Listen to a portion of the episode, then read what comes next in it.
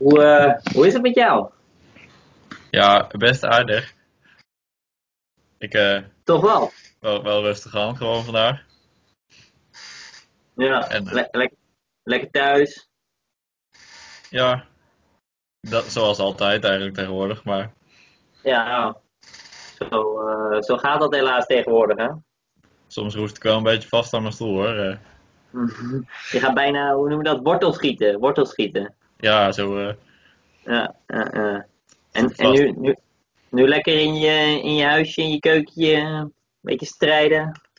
ja, in, eh, in ons nieuwe onderkomen is wel eh, zo mooi hier. Zoveel, we hebben allemaal dakramen en er komt heel veel zon naar binnen. En je kunt het Ja. mooi openzetten, dan waait het een beetje. Hier is de, hier is de was. Oh, oké, dat? ja. Ook dat moet gebeuren. Ja, dat zijn dus de, de bedlakens. En eh, we hebben maar één, één set. En dus Ja. als je die wil wassen, dan moet het wel voor de avond weer droog zijn. Dus is het wel Ja, fijn dat het een beetje doorheen kan waaien. en, en, en je hebt dan een mooie opnameachtergrond, hè? Ja, het is nu wel, eh, wel, wel rustig. Er wel Misschien kun je wel net zo daar de, de pan nog zien. Maar dat is een mooie pan, dus die mag iedereen gewoon zien. Ja, eigenlijk heeft je huis gewoon alles wat een semi-burger nodig is. Kan ik het zo inmiddels noemen of is dat een beetje een belediging voor jou? Nou, de, manier waarop wij ons leven leven op dit moment is nog wel relatief studentenachtig. Oké, oké. laat avondeten en eh, weet ik veel, alles. Want gewoon de hele dag bezig met. eh, Studie. Lilian is nu op stage, dus daarom is het wat, Ja. wat voor, wat voor stage doe je nu? Nou, ik niet. Eh, zij bedoel ik? Ehm, nou, ze doet eh, ja, iets vanuit haar, eh, haar achtergrond met thermodynamica. Dan is ze bezig bij het bedrijf Host uit Enschede. Oh, met, met dat biogas. Ja, ja ze zit iets met een. eh, Net zoals Abel Jan. Ja, Ebel Jan werkt Is ook het- daar inderdaad. Ah, leuk. Maar ehm Koyan, wel, eh, wel leuk dat jij nu tegenover mij zit in plaats van eh, mijn gewaardeerde ja, collega Engbert. Ja, Eh, mijn zoon, hè? Ja, je- je- ja dat, dat bedenk ik me ook nu pas inderdaad. Wat, hoe, hoe, hoe, is die, hoe is dat proces voor jou verlopen? Voor jou moet het ook een hele verrassing zijn dat jij hier nu plaats mag zitten op de serieuze recensenten recenserenstoel. Ja, Virtueel dan.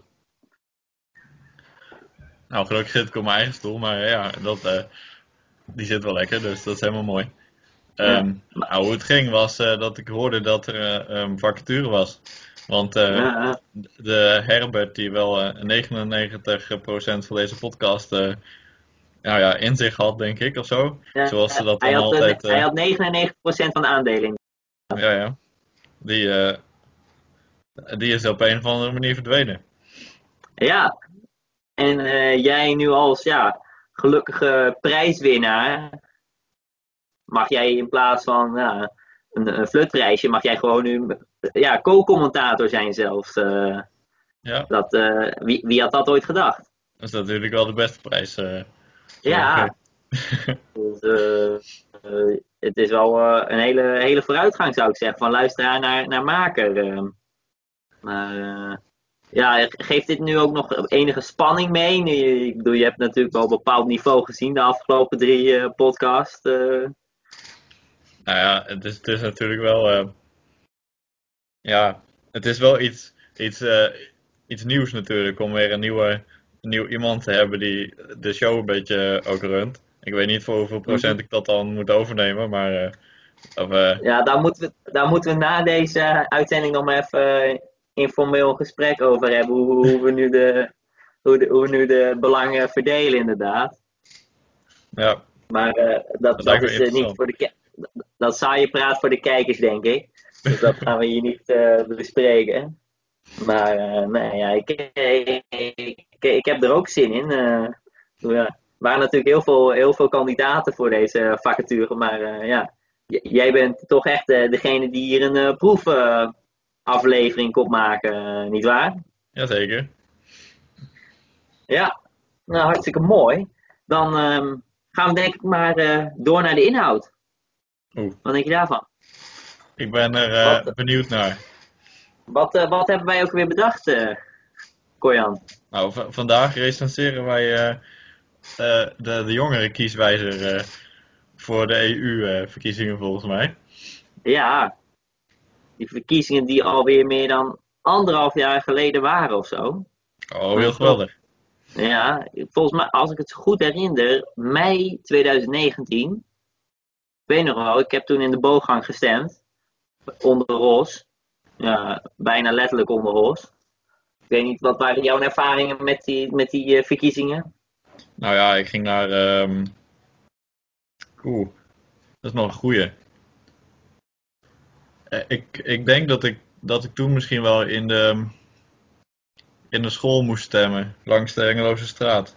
De middelbare school, daardoor. Oh, het, het zonnecollege. Ja, Oké, wel leuk. maar waarom dan precies, weet ik niet zo goed. Je, je, hebt je, je hebt je burgerlijke plicht wel vol, vol, volbracht? Of, eh, Ja, ja. ah, Oké, oké. Of hebben we daarna nog een, nog een andere verkiezing gehad? Nee, we Misschien hebben, de- het- we, hebben, we hebben twee verkiezingen gehad eh, vorig jaar. Voorjaar. Eh, Hm. Voor de provincie, dat was volgens mij een beetje in maart. En voor de Europa, dat was een beetje in mei. Ja. Nou, een ervan heb ik in de, in de bibliotheek gedaan bij eh eh Trekkerveld, eh Oh, die, ja.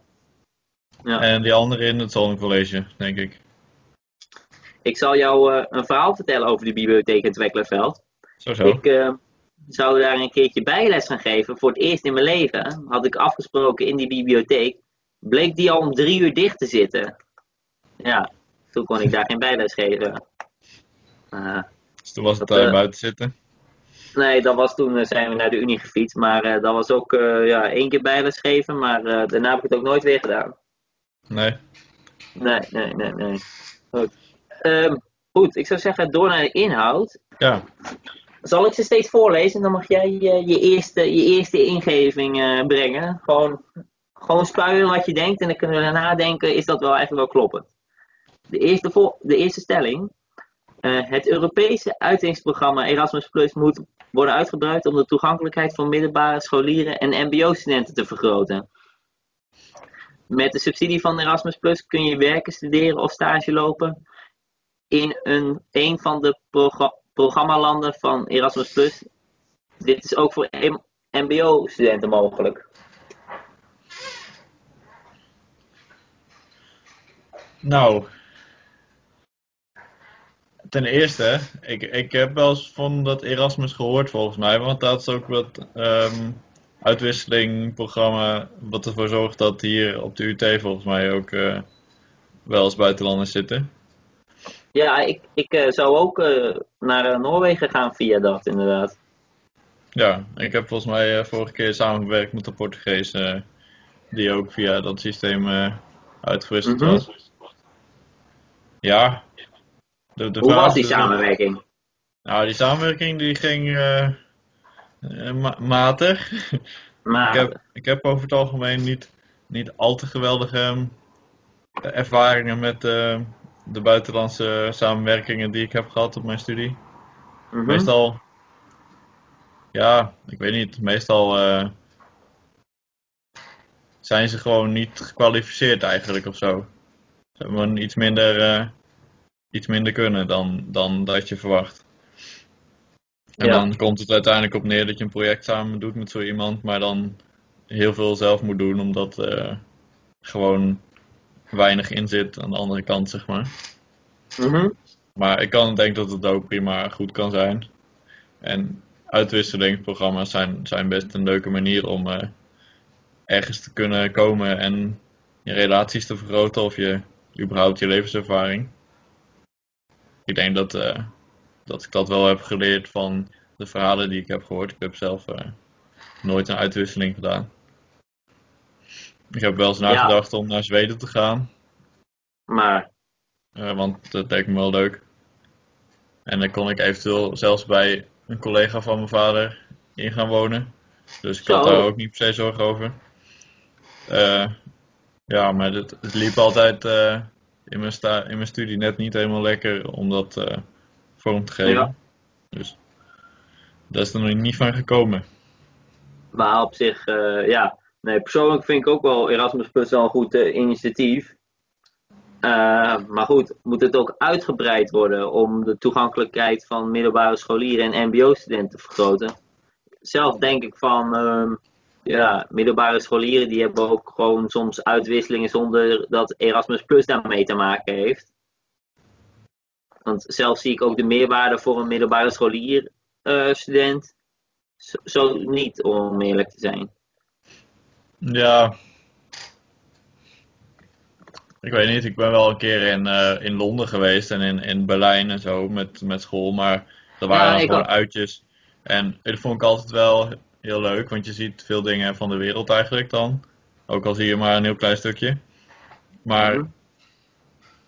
ja, ik zou niet, ook niet per se zien hoe dat in de middelbare school dan echt eh, een vorm krijgt of zo. Ja, daarom. Want Ja. eh, ja, je, die, die hebben ook gewoon normaal al hun uitwisselingen. En, eh, en daarnaast heb je natuurlijk ook nog zo, ja, MBO-studenten, de, de MBO-studenten die echt eh, naar het buitenland dingen moeten omdat ze ehm, ja, een internationale studie doet of horeca of wat dan ook. Dat zit natuurlijk ook al in hun opleiding. En op dit moment vind ik de mogelijkheden, tenminste als je kijkt naar de UT, vind ik best groot om naar het buitenland te kunnen. Er zijn echt heel veel partneruniversiteiten, dus zelf zou ik niet per se zien hoe dat nou extra vergroot moet worden of zo.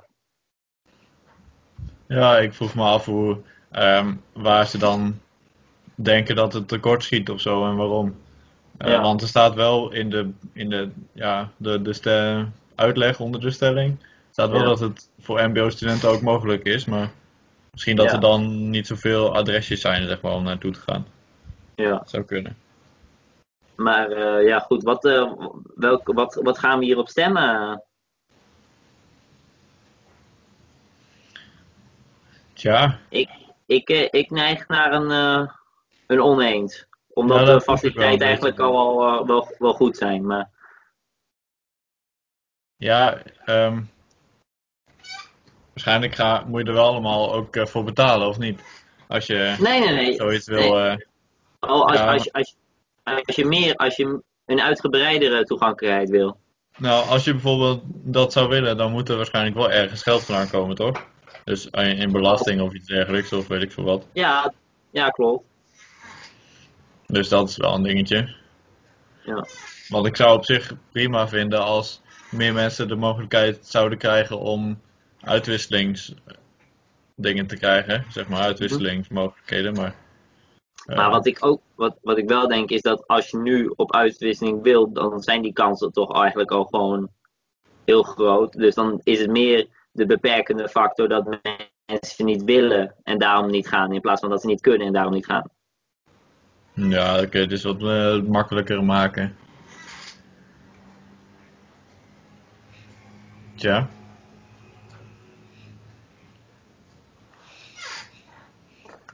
Dan kon je dan zeggen maar, wat gaan we stemmen? Ik, eh, ik vind het moeilijk hoor, want ik, eh, ik weet nooit zo goed wat al die, eh, alle impact van mijn, van, van mijn beslissingen zijn. Hè?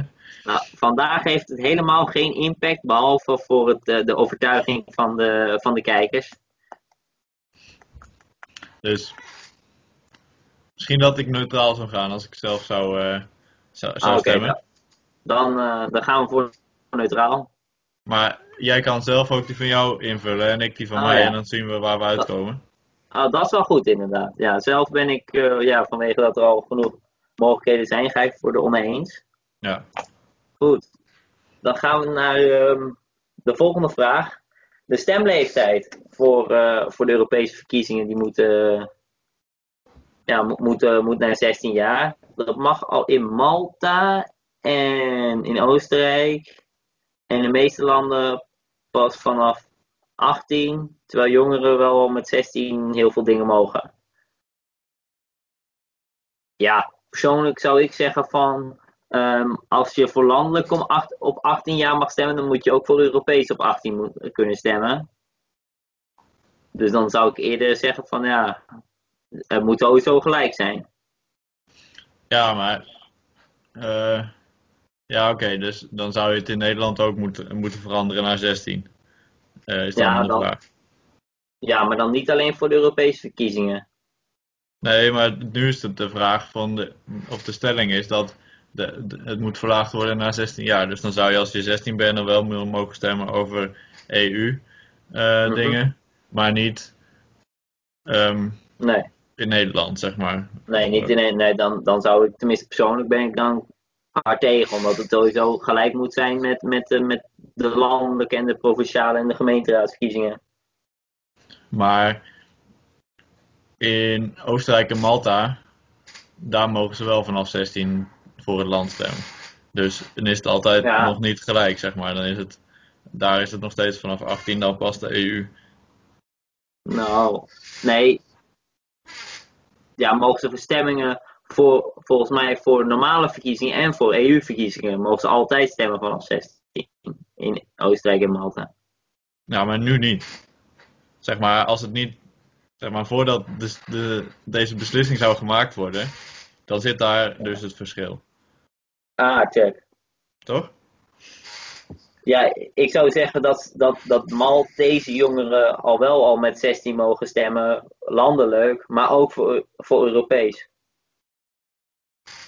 Maar dan is het geen, dan is het geen Europese regelvoering, want het, het geldt altijd voor alle Europese landen als, als Ah, zo'n ding wordt aangenomen, toch? Ja, dat, dat, daar zit ook wel logisch in. Ja. Nou ja, in dat geval, ja, ik zou zeggen ehm, dat ik het er oneens mee ben, omdat je dan eerst in de landen apart ook het moet invoeren. En niet alleen voor de Europese verkiezingen. Oké, ik denk dat ik niet voor ben, omdat ik niet vind dat mensen vanaf 16 jaar al verantwoordelijk genoeg zijn om over zulke soort dingen na te denken eigenlijk.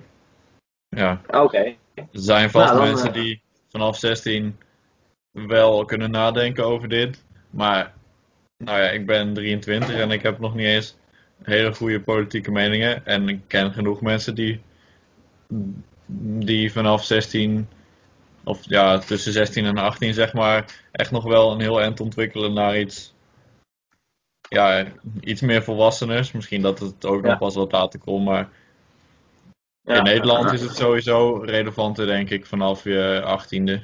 Omdat, Ja. omdat het er wel een beetje op gemaakt is dat je vanaf 18 heel veel keuzes zelf moet gaan maken, zeg maar. Ja, Dus ja, dan Dan, ben ik het eh, wel eh,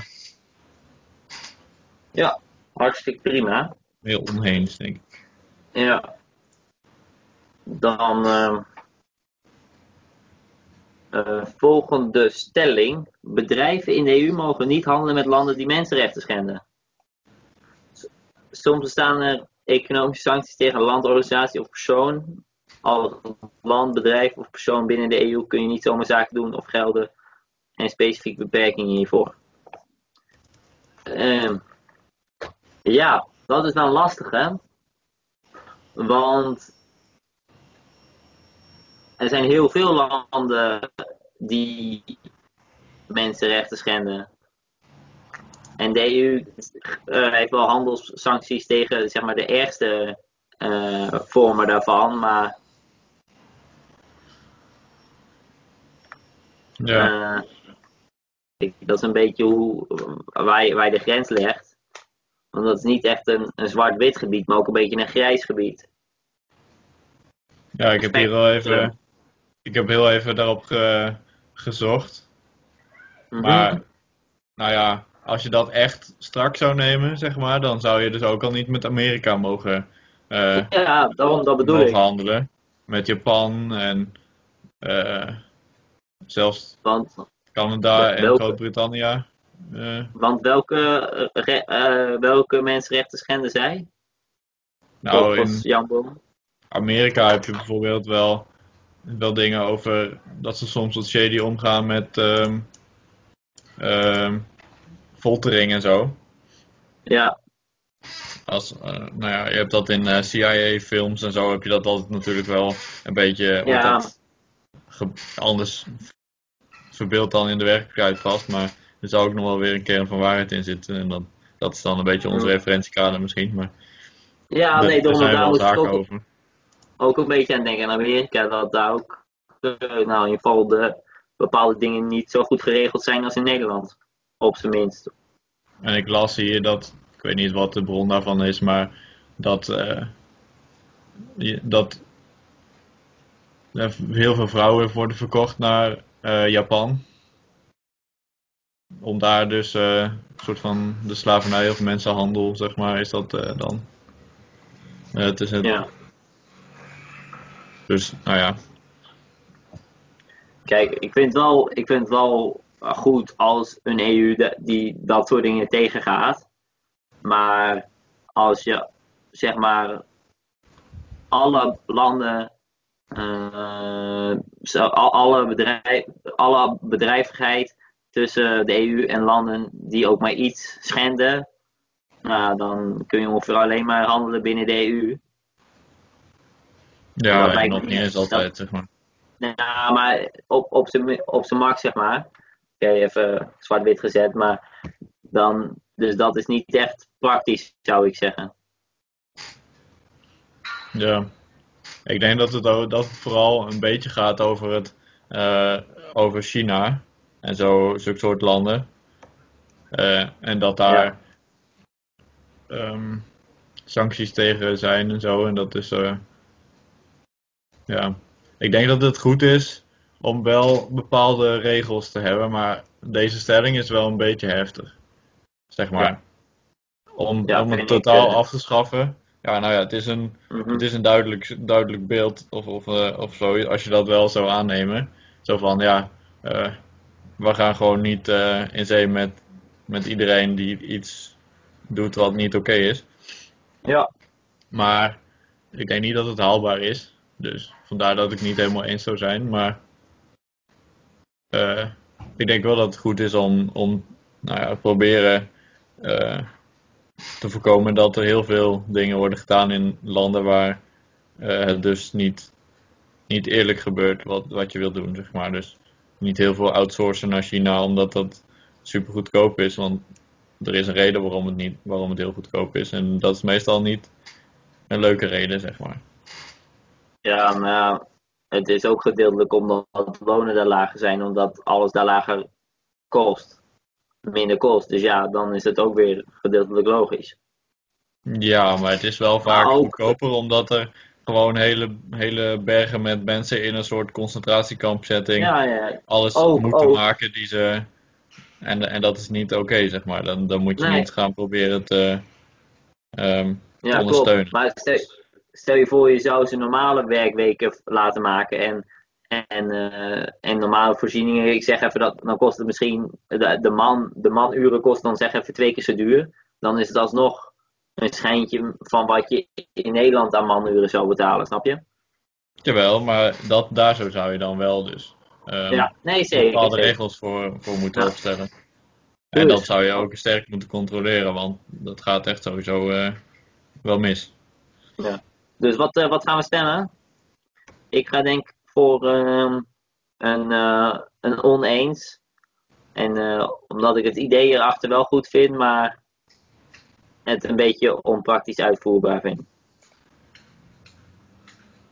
Ik ben het denk ik wel, wel eens. Ja, ik weet niet. Ik denk dat het moeilijk is om, om helemaal eens te zijn met de stelling. Want er zijn natuurlijk ook genoeg cases waarin het helemaal niet werkt om die stelling aan te houden. Nee, daarom. En daarom zeg ik ook op oneens. Ja, maar je hebt ook bijvoorbeeld wel. Je hoeft niet China helemaal te negeren als businesspartner, omdat er ook dingen gebeuren die niet mensenrechten eh, nee, ja. in acht houden, zeg maar. Dus ja, misschien. ja. Ik ben wel voor het idee, maar het is inderdaad niet helemaal een goede stelling. Oneens. Volgende. Onderwijsdiploma's moeten in alle EU-landen geldig zijn. Diploma's worden niet automatisch erkend in de hele EU. In sommige landen is de procedure voordat een graad of een diploma wordt erkend. Ja, het zou eh, wat mij betreft wel ideaal zijn. Alleen als jij in Bulgarije een, ehm, een eh, zeg even, een bachelor in physics hebt, natuurkunde bachelor hebt, of je hebt het in Nederland nou. Ik denk wel dat diegene die het in Nederland heeft gestudeerd meer kan als iemand in, in Bulgarije, waardoor het wel leuk is om alles direct op één hoop te gooien, maar dan moet je ook dezelfde, ja, de, dezelfde kwaliteit hebben. Ja, dat, daar ben ik het wel mee eens. Ik denk ook dat ik wel genoeg, zeg maar, ik heb met, met informatica studenten samengewerkt, zelfs in mijn master, die dan ook van een master komen in een ander land. En die dan niet eens weten wat GitHub is en hoe version control werkt. En dan vraag ik me af of je dan ook echt zeg maar de kaas hebt gegeten van, van het programmeren of, of dat je, wat je dan precies hebt gedaan in, in je hele studie. Ja. Dus, en nou ja, dat mensen gewoon niet, uh, niet goed Engels kunnen, zeg maar. In de wetenschap is dat wel relatief belangrijk. Ja. Um, of dat je niet goed een verslag kan opstellen en dan gewoon heel slordig werk levert. Ja, dat kan ook per persoon natuurlijk een beetje verschillen, maar uh, of je nou wel of niet weet hoe zo'n verslag eruit ziet, dat zou je toch in master wel een keer moeten gaan begrijpen. Zeg maar. Ja, Dan heb ja. je er waarschijnlijk al wel genoeg opgesteld, zou ik zeggen. Ja. Bij mij begon dat in ieder geval in mijn middelbare school al wel. Ja, zeker weten, zeker weten. Dus uh, ik, ik uh, voel hier dat we allebei op uh, oneens gaan klikken. Dan, volgens mij is de strekking dat dat gewoon nu wel automatisch gaat gebeuren. Maar, ja, ik ben er wel voor. Zeg ja, maar. ik, ik, ook. Maar dan moet je ook hetzelfde kunnen. Of ongeveer. Ja, maar dan moet je dus het hele onderwijssysteem veranderen. En dat is niet heel praktisch. Dus ik denk dat het dan soms wel goed is om een procedure aan te gaan. Zeg maar om te kijken of iemand ook echt kan ja. wat hij zegt dat hij kan. Zodat, ja. zodat hij dan, uh, nou ja, een soort van officieel, uh, ja. Dat je dan officieel weet dat, dat hij ook een bepaalde niveau heeft. Ja. Dus. Ja, het, het moeilijke aan deze stellingen is, soort van, is dan dat je. Ja, dat, het wel een, idee, een goed idee is, maar dat de stelling eigenlijk een beetje onpraktisch is. Of, of ja. een beetje. Ja, net zoals de vorige een beetje. Enthousiast Kijk, is misschien. Want als, als, ik, als je zou vragen, de EU moet stappen nemen om, om, om uh, dezelfde, ja, zeg maar dezelfde studies, dezelfde eindtermen te geven, waardoor ze ook gewoon letterlijk hetzelfde waard zijn. Maar Ja, dan, soort- dat, dat, is de, dat is de eerste stap naar ze gelijk ook maken dat, dat in alle landen geldig zijn. Ja, nou ja, ik zou nog steeds, ik zou nog steeds niet, niet weten of dat echt haalbaar is en of dat ook echt wenselijk is. Maar het is wel goed om eh, te realiseren dat, dat inderdaad niet elk onderwijs eh, hetzelfde niveau heeft. Maar dat. En en als je dus Ja. een bepaalde Goed, universiteit hebt gedaan of zo, dan heb je al meer eh, credibility. En ergens is dat ja, niet iets wat je wil, maar ja, ergens is dat ook wel een beetje hoe dat werkt of zo. ja. Goed, ik heb wel oneenstemming van. Ja. We naar vijf. Ja. Vluchtelingen uit ramp- of oorlogsgebied moeten in de eigen regio worden opgevangen. De vluchtelingenstroom uit ramp- of oorlogsgebied is in alle landen in Europa een politiek vraagstuk. Dit gaat onder andere over de vermogen en het wil van Europa om vluchtelingen op te nemen. Nou, Korjan. Aan jou de eer om de hete af te trappen. Ehm, dus de, de stelling zegt dan dat de vluchtelingen. In de eh, regio moeten opgevangen worden. ja, maar welke regio is dat dan? In hun? Nou, als het, regio? als het, als het, dus als je vluchtelingen uit Syrië hebt, dan moeten ze dus in Libanon of in Turkije of eh, ja, Irak, weet ik het. Ja, en dat ze niet allemaal hierheen komen, zeg maar. Ja, Ja, ik weet nooit zo heel goed hoe dat nu precies, precies werkt, zeg maar. Want er was wel echt een ding afgelopen jaar ook. Mhm. En dat zal vast een beetje met de beslissing die ze toen gemaakt hebben te maken hebben. Eh, maar dat gewoon heel veel, heel veel vluchtelingen waren, ook vooral in Duitsland. En die geeft dan ook wel veel overlast. overlast of zo, veel problemen. En de Ja. infrastructuur is er niet helemaal voor gewenst. Of eh, gewenst, Ja. eh, gemaakt. Ehm, dus ja, dat is wel, het is wel een soort eh, druk op je systeem in, in een land. Ja, En vluchtelingen handelen ook niet altijd alsof ze eh, opgevangen zijn, zeg maar. Dus Ja, zodra dat- ze dan in, in de wereld komen waar ze dan nooit in zijn geweest eigenlijk, ze komen in een hele andere omgeving, gaan ze zichzelf heel raar gedragen eigenlijk. En, ehm, ja, en het is natuurlijk zo dat als je. eh, ja, dat ze soms ook een beetje niet echt dankbaar zijn. Of tenminste dat je dat, dat ook niet echt uitblijkt dat ze hier mogen zijn. Ja, maar het is misschien ook wel moeilijk voor die mensen, want ze komen uit zo'n bepaalde omgeving of cultuur of iets dergelijks, waarin ze bepaalde grenzen hebben en weet ik veel, bepaalde maatschappelijke structuur die niet bestaat in deze kant van de wereld, zeg maar. Ik heb Nee. er wel eens iets over eh, Zweden van gehoord, zeg maar. Daar hebben ze ook echt een, een groot probleem soms met, met vluchtelingen of met eh, immigranten. Eh, en die zorgen dan, een soort community maken ze dan. En dan gaan ze, ja, de, bijvoorbeeld ehm, misdaad, bepaalde, bepaalde dingen, eh, die gaan gewoon altijd mis met zulke soort mensen, zeg maar. Eh, er was Ja. ook heel veel stra straatintimidatie en het was niet heel veilig in Stockholm, zulke soort dingen. Ik weet niet meer precies. Ja. Eh, maar dat kwam vaak, vaak door dus eh, een bepaalde groep mensen die uit ergens eh, in Afrika kwam of zo, of in het Midden-Oosten in ieder geval. Ja, maar weet je wat is? Kijk, als je een echte vluchteling bent, dan vind ik ook dat je een serieuze, serieuze behandeling moet krijgen. Maar ja, als je een nepvluchteling bent, dus niet uit Irak of Syrië, of eh, nou, misschien in Afrika dat nog een paar landen oorlog is, maar eh, dan ben je niet op de vlucht voor, voor oorlog in geval. Nee, je bent, bent op zoek naar een, een, een Beter Eh, leven. comfortabele situatie. Ja. Ja. Nou, dat is iets anders.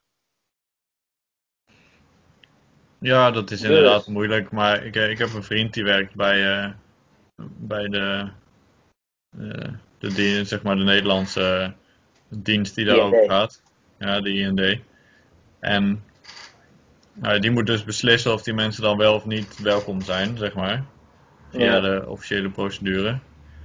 Maar hij zegt ja, dat is gewoon ook heel moeilijk soms om, om echt te weten wat iemand eh, doet of hoe, hoe die daarin staat of zo. Want Ja. eh, ja, sommige mensen worden gewoon opgeleid in een land om een bepaald verhaal te hebben. eh, om zeg maar in de westerse wereld te komen. En dan kunnen ze terroristen zijn of niet.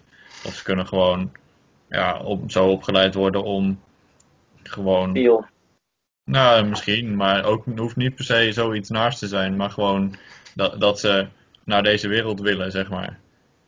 Dat ze hier een Ja. leven willen beginnen en dan eh, dus als vluchteling zich aanmelden, zeg maar. Maar ja, dat zijn wel, soms, wel vaak de, de probleemmensen, zeg maar. Want de, de echte, nou ja, er zijn genoeg ook gewoon vluchtelingen die, die zich wel prima proberen te settelen in het systeem en die gewoon Nederlands leren en goed functioneren. En er zijn ook veel vluchtelingen die, eh, ja, ook al worden ze goed opgevangen, nog niet eens de kansen krijgen die ze eigenlijk zouden moeten hebben, zeg maar. Ja, of zelfs verdienen omdat ze gewoon een mens zijn. Nou ja, ze krijgen best een onderdak en zulke soort dingen, maar misschien zijn ze wel tandarts geweest in Syrië en ze, ze worden ze hier McDonald's bedienden, zeg maar. Om- Ja. Omdat ze gewoon eh, ja, altijd een beetje scheef aangekeken worden of zo. Ja, Dus dus, eh, maar dan terug naar de stelling.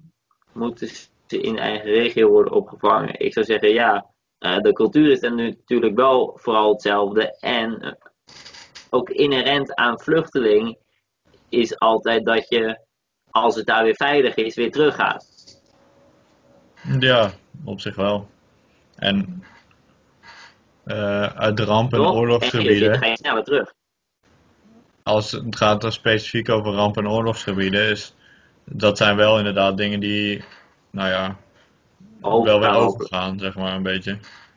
Ja, Ja. ik zou zeggen dat ik het er wel ook wel mee eens ben. Ik denk dat dat wel een, een betere oplossing is dan gewoon zoveel mensen naar Duitsland en zoveel mensen naar Nederland sturen en ze dan daar voor een jaar of vier houden en dan weer terug moeten sturen, want daar wordt niemand blij van. Nee. Terwijl als ze daar zitten, dat het dan wel makkelijker is om weer je leven op te pakken, zeg maar. Maar ja, dan is het wel belangrijk dat er natuurlijk altijd goed hulpverlening wordt gegeven. En dat, het, eh, dat de kampen waar ze in zitten ook wel een beetje leefbaar zijn. Maar ja, dan, daar gaat dus, de stelling niet per se over. ja, dus dan eh, ga ik voor ehm, eens, denk ik. Ja. Om korte Europese vluchten te vangen moet de Europese Commissie meer inzetten op Europees hogesneltreinnetwerk. Ja, nou dit vind ik echt iets waarvan ik zeg van, oh wacht, ik moet de toelichting nog even toelichten. Ja, vliegtuigen stoten CO2 uit ehm, en dat kan beperkt worden met een hoge trein, hogesnelheidstreinnetwerk. Ja, maar ik vind het wel iets wat bij uitstek door de, door de Europese Unie snel moet worden opgepakt, omdat dit juist iets is wat heel logisch klinkt, maar nog niet wordt uitgevoerd. Ja, dit is zo'n eh, zo'n mooie, zo'n technische, technisch standpunt is dit.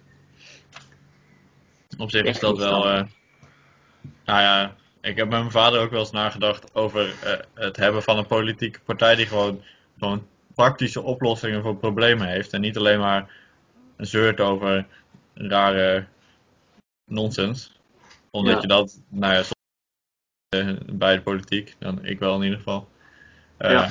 Dat gewoon heel weinig praktische oplossingen zijn. En mijn vader zat zo van, ja, maar als je nou gewoon, als je nou gewoon inzet op dit, dan wordt, worden al deze problemen al beter. Dan hoef je daar niet over te praten in ieder geval. Of dan kun je Ja. zien dat dat al een stuk verbetert. En ik denk dat dit zo'n zo'n soort stelling is. Dus eh, vind, ik zeker, vind ik het zeker waard.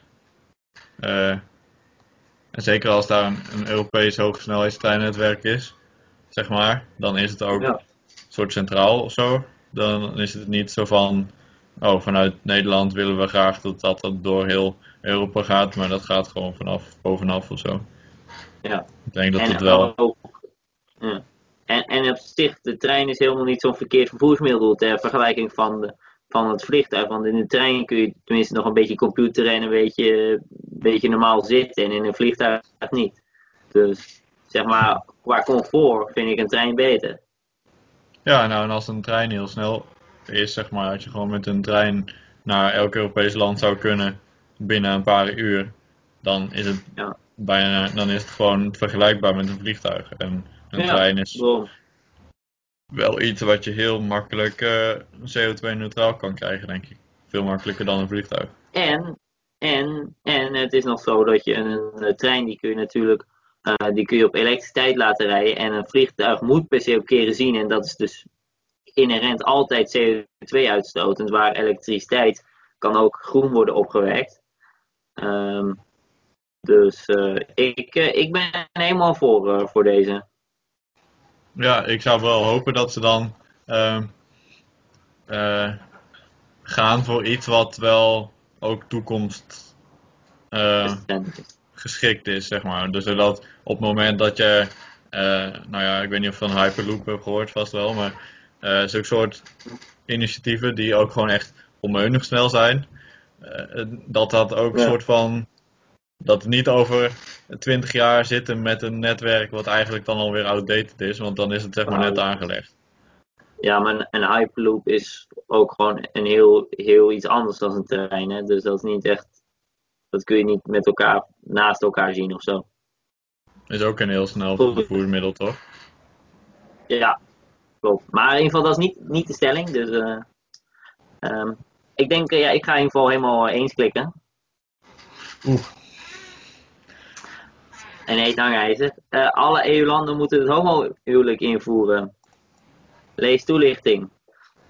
Op dit moment zijn lidstaten vrij te bepalen of ze wel of niet homohuwelijk willen inro- in, eh, invoeren. Maar ja, nou,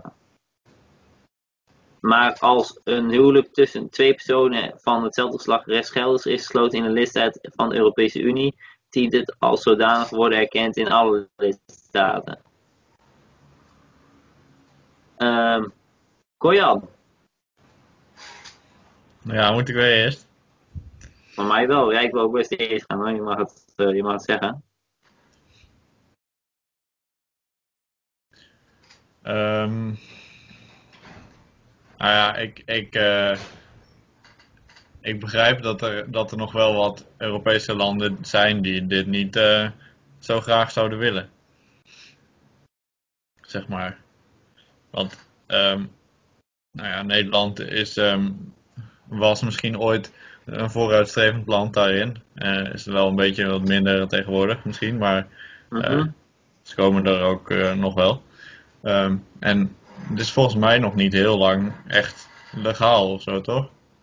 Of, of valt het mee? Ik heb geen idee, eerlijk zijn. volgens mij was wel Nederland het eerste land waar het kon, inderdaad. En, en daarna zijn veel landen gevolgd, inderdaad.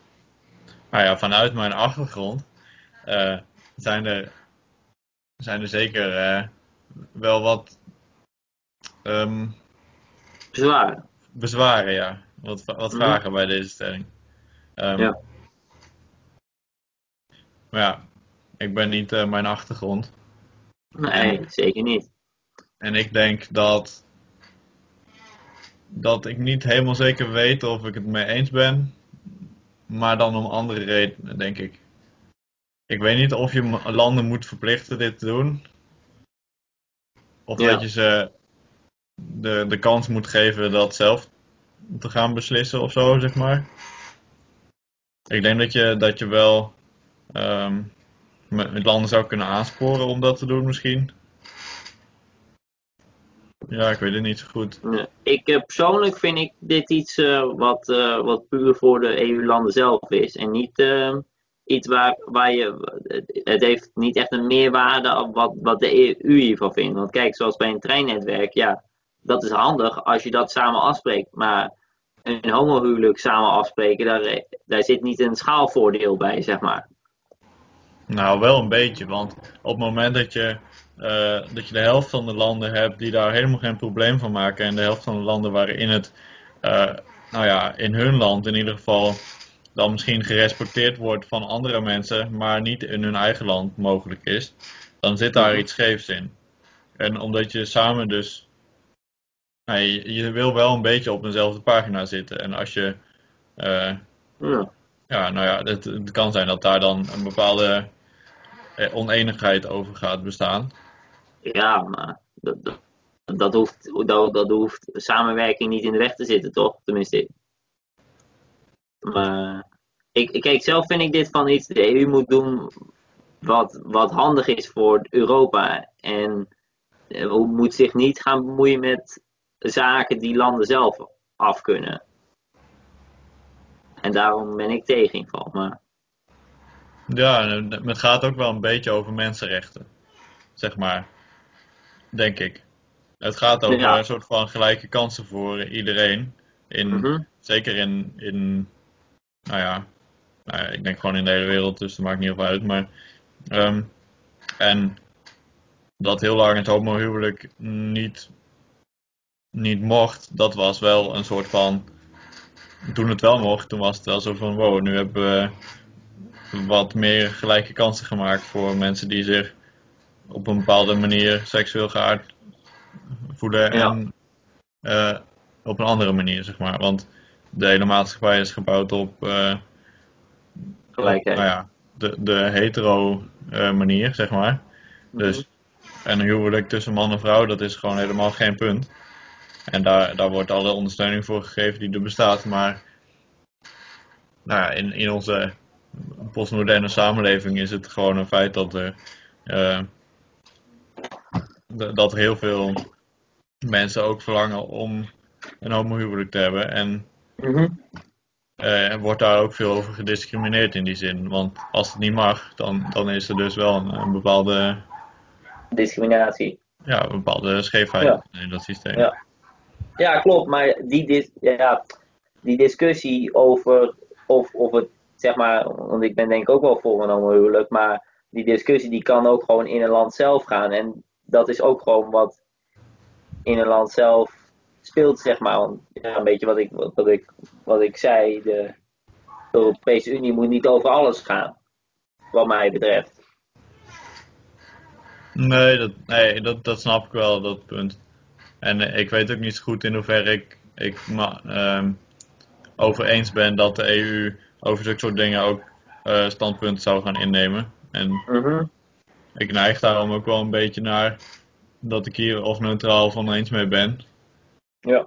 Maar ja, zodra het, de- zodra het eruit ziet alsof een, een EU-land daar echt niet goed mee omgaat en dat gewoon heel hard negeert eh, en, en daar ook tegenin gaat en mensen gaat eh dwars zitten die dat willen, dan Mhm. denk ik wel dat het, dat het een, eh, een systeem is, een, een Ja. krachtig eh, middel om eh, via Om de EU daar mensen wel op aan te spreken. En misschien dat je dan dus niet, zoals deze stelling zegt, dat moet verplichten, maar ik kan wel zien waarom de stelling bestaat, zeg maar. Ja, zeker. Goed, ik denk dat het tijd is om te stemmen. Oké. Kijk, voor ieder geval. Ehm, de EU moet optreden tegen bepaalde onbetaalde stages. Ja, weet je, dit vind ik ook weer zoiets van. Wat heeft de EU hiermee te maken? Want de meeste stages zijn gewoon in, intern. Kijk, als, als er discriminatie wordt gepleegd tussen buitenlanders die dan een stage doen. Dus bijvoorbeeld, ik ga naar Duitsland en word daar niet gelijk behandeld. Of ik eh, betaald krijg voor mijn stage en de Duitse niet, of andersom.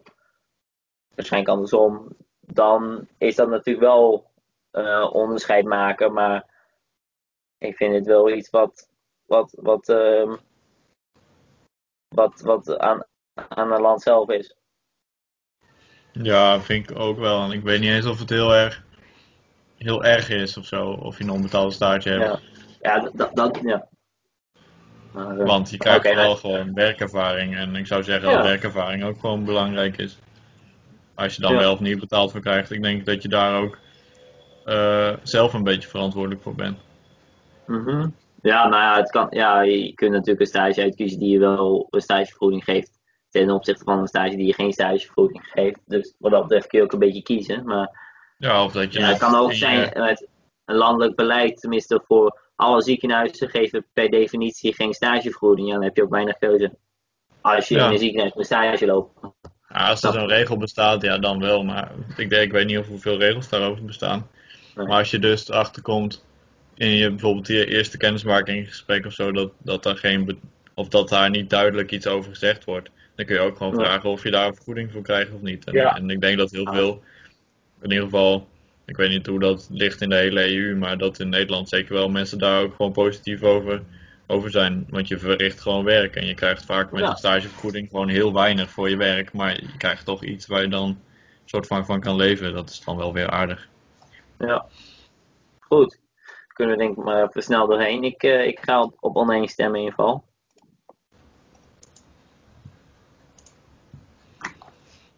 Ik ook.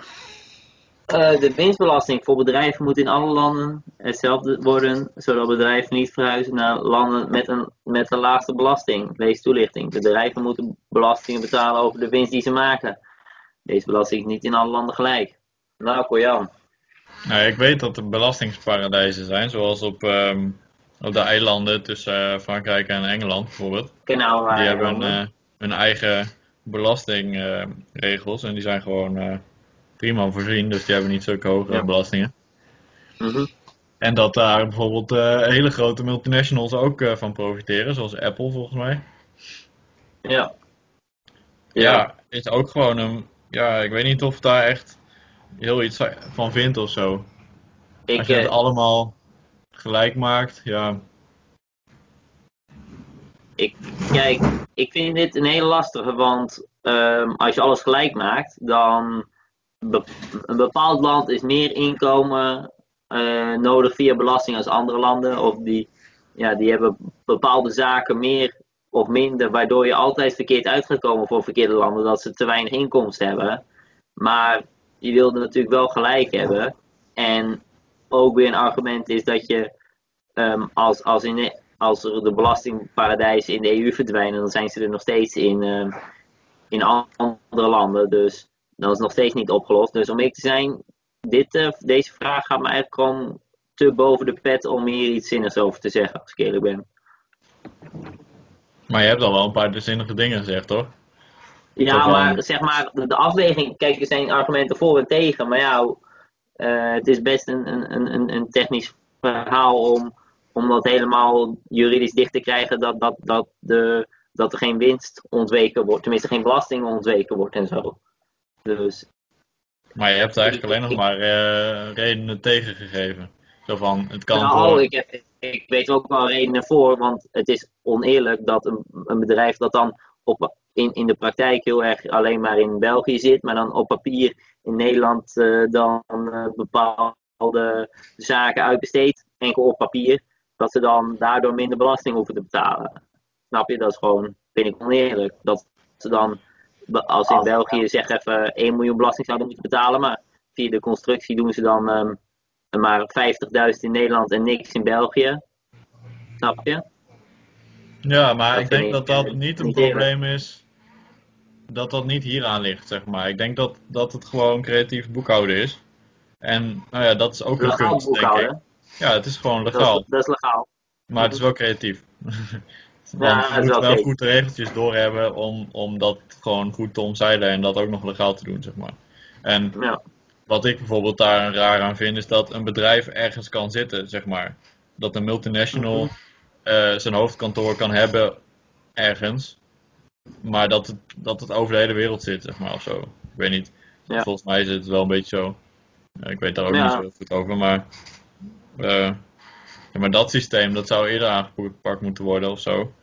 Dat, mhm. dat het gewoon ja, eerlijker zou werken. Maar ik denk niet dat een oplossing is om alles maar gewoon gelijk te trekken in, in alle landen. Want ieder land heeft daar zijn eigen, ja, zijn, zijn eigen systeem voor, zeg maar. De, de, ja, klopt. Maar dit, is wel, dit is wel een onderwerp waar je als Europa, zeg maar, wel um, voordeel kan halen dan dat alle landen het zelf regelen. Ja, nou ja, als, je, als één land gaat zeggen van ja, ik ga op het gemiddelde zitten dan, en dat hoger dan wat die eerst had, dan gaan er wel wat bedrijven weg, ja. En als je het allemaal in de EU allemaal tegelijk doet, ja, dan, dan, gaat het, dan zet het wel meer een boodschap neer. En dan is het ook minder impactvol voor iedereen. Maar ja, ik, ik, weet niet zo goed. Ik, uh, ik ga in ieder geval denk ik uh, neutraal stemmen, omdat ik ook, ja, ik vind dat ik hier niet... Uh dat ik niet kan zeggen of ik er het oneens of mee eens ben. Oké. Ik denk dat ik oneens ben. Ja. Zullen we na deze vraag even weer een uh, pauze inzetten? Dan uh, zitten we op de helft.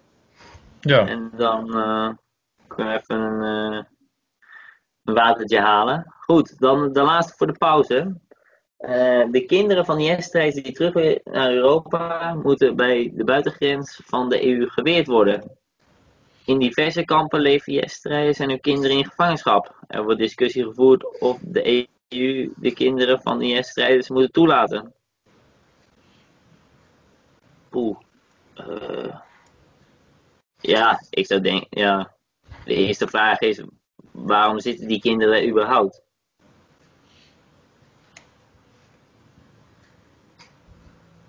Ja.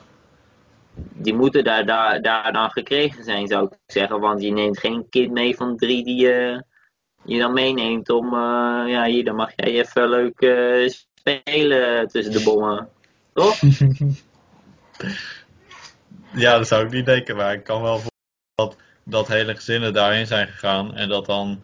Uh, dat een deel daarvan dan gaat vechten en, en niet de andere deel. Ja, maar als, als, je, als je kan vechten, dan ben je, dan ben je bijna geen kind meer, zeg maar. Nee, maar ik bedoel dat, dat zeg maar het hele gezin erheen ging. En dat mhm. misschien vader en moeder of zo gingen vechten. Maar dat de kinderen daar niet mee te maken hadden, maar gewoon mee moesten, zeg maar. Want zeg maar, als, toen ik klein was, toen namen mijn ouders mij ook overal mee naartoe. Als ze iets gingen doen. Mhm. Ja, als ze op vakantie gingen, dan ging ik ook mee. Dus uh, En het is niet zo dat zij hem even thuis laten omdat, omdat ze iets gingen doen of zo.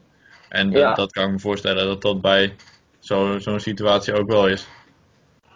Maar ja, ik weet niet. Ik denk dat je dan dat je niet zomaar moet zeggen dat die mensen geweerd moeten worden, maar dat je ze ook niet zomaar moet eh, terughalen. Want ja, de kans is ook wel ergens weer groot dat die kinderen een bepaald gedachtegoed hebben aangeleerd. Dat ook Ja. niet eh, heel eh, positief is.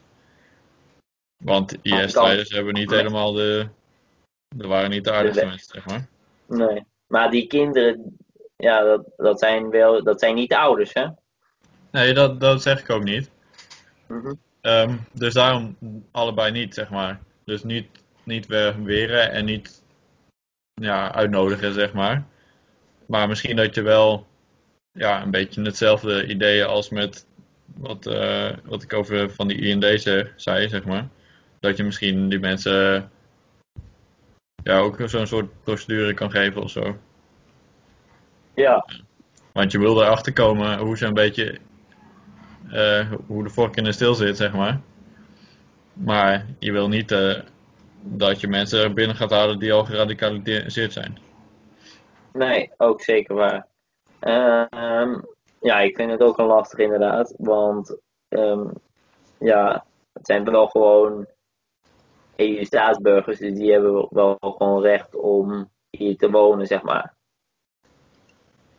Als je Ja, inwoner is bent van. Nederland, dan mag je ook gewoon wonen in Nederland. Ja, tenminste, er zijn. Ja. Dus dat, dat kun je niet zomaar afnemen van iemand. Ik ben denk ik oneens, omdat ik weren wel erg vind. En ik denk ook niet dat, Ja. dat kinderen hun ouders zijn. Dus dat, Ja. Ja, Dat ben ik wel, maar eens. ik denk wel Je dat moet het wel, goed je moet wel om, goed opletten. ja, om op te letten, inderdaad. Goed. Ga ik op eh, oneens klikken. Dan gaan we even denk ik een eh, kopje thee halen. Dan Ja, eh, lekker. spreek ik jou zo weer. Oké. Mooi. Daar zijn we. Wat, eh, Helemaal mooi. wat heb jij zo eh, in, je, in je kopje?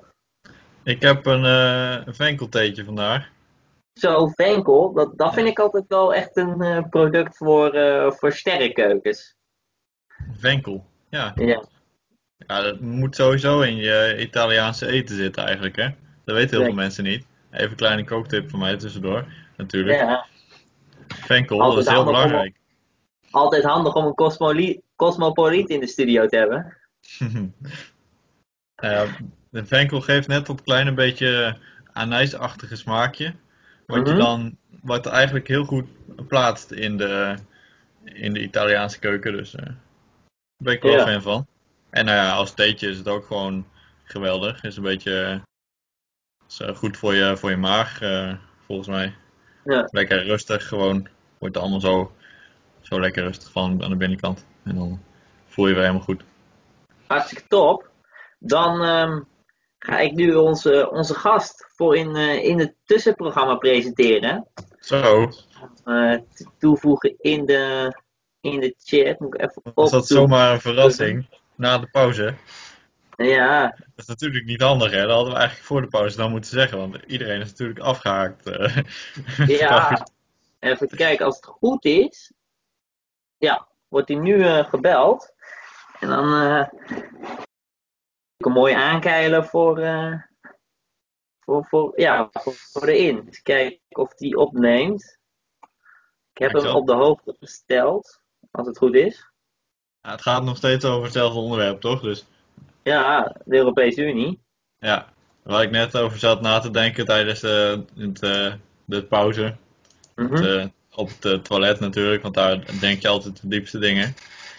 Ehm, is dat je niet bij elke vraag altijd denkt of het wel relevant voor de EU is om daar iets mee te doen. We hebben wel een paar keer gehad dat we dat vonden, maar ja, sommige dingen zijn misschien al helemaal niet relevant voor de EU om erover na te denken. En dat is wel iets waar ik soms nog over nadenk of zo, waar ik wel eens over na heb gedacht met het stemmen. Ja. Oké, En we, moeten nog heel, we moeten nog heel even wachten op, ehm, op Lucas, krijg ik net door via een, eh, een ander apparaat. Dus we kunnen nog even doorgaan met de- deze discussie. Want ehm, ja, ik, ik denk dat ik onbewust of bewust toch wel bij iedere stelling wel een beetje heb gedacht van is dit, is iets waar de Europese Unie ja, de bevoegdheid voor heeft, zeg maar. Jawel, ik denk dat dat ook een beetje onbewust bij mij misschien ook wel gebeurt. Maar eh, ik werd me net even op het toilet van bewust dat dat ook wel relevant is om over na te denken soms. Uh, zeker, zeker. En dat uh, er best wel veel mensen in Nederland volgens mij ook wel zijn voor, zeg maar, op zich niet voor de afschaffing van de EU, want dat was ook een poosje een ding of zo. Of dat is misschien nog steeds wel zo. Maar, maar wel voor een soort beperkte impact van de EU. En dat Ja. het niet gaat over alles, maar gaat over daar waar het voor is gemaakt, zeg maar. De, de Ja. samenwerking tussen landen en niet om eh, gewoon maar een beetje super brede Ja, wat- politiek te gaan bedrijven of zo. Wat, wat, wat dat betreft is het eh, een beetje choose als voor de, voor de, ja, voor de christelijke studentenvereniging. En die doet ook gewoon wat, wat handig is om met z'n vieren te doen. Wat samenwerken, maar niet zo dat alles, alles bepaalt. hey, Hey, Hallo. hallo. wel- welkom in de, in de show. Je bent bijna onze, onze vaste gast geworden. Ja, ja, zijn we live? Zijn we live? We zijn, we zijn live. Eh, dan, dan- heb ik een e- eerste vraag voor jou. Ehm, wat vind jij van Venkel? Venkel. Ja, Eh Venkel, hoe schrijf je dat? nou, Koyan. Venkel is eh, met een V en een N en een K en daar wat E's tussen met een L Ja. aan het eind. Ja, nee, nee, nee, oké. inderdaad, die, eh, ik heb dat nog nooit op eigenlijk. Ik, weet niet of ik het kan eten, maar ik dacht het wel. Ja, ja, dat is eh, eten. Ja, ik moet Smaak. ook toegeven. Ik heb dat nooit op. eh, Ik heb ook de Venkel zelf denk ik heel weinig op. Misschien een keer of twee, drie, weet ik veel. Maar eh Venkel smaakt een beetje aanijzig, dus misschien heb je het wel door je eten op of als thee. Zou kunnen. ja. Oh ja, dat zou kunnen. Ja, met thee misschien, ja.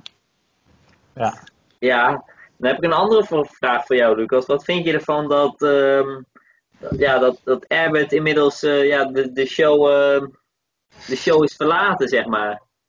En we nu een, een nieuwe proef, eh, ja, een proefrecensent hebben, om het zo maar even te stellen. ja, ja, ik ben eerst wel benieuwd wat eigenlijk de aanleiding daarvan is. Eh, wat, Ja, nou, dat, dan zal ik jouw haar van uit de doeken doen.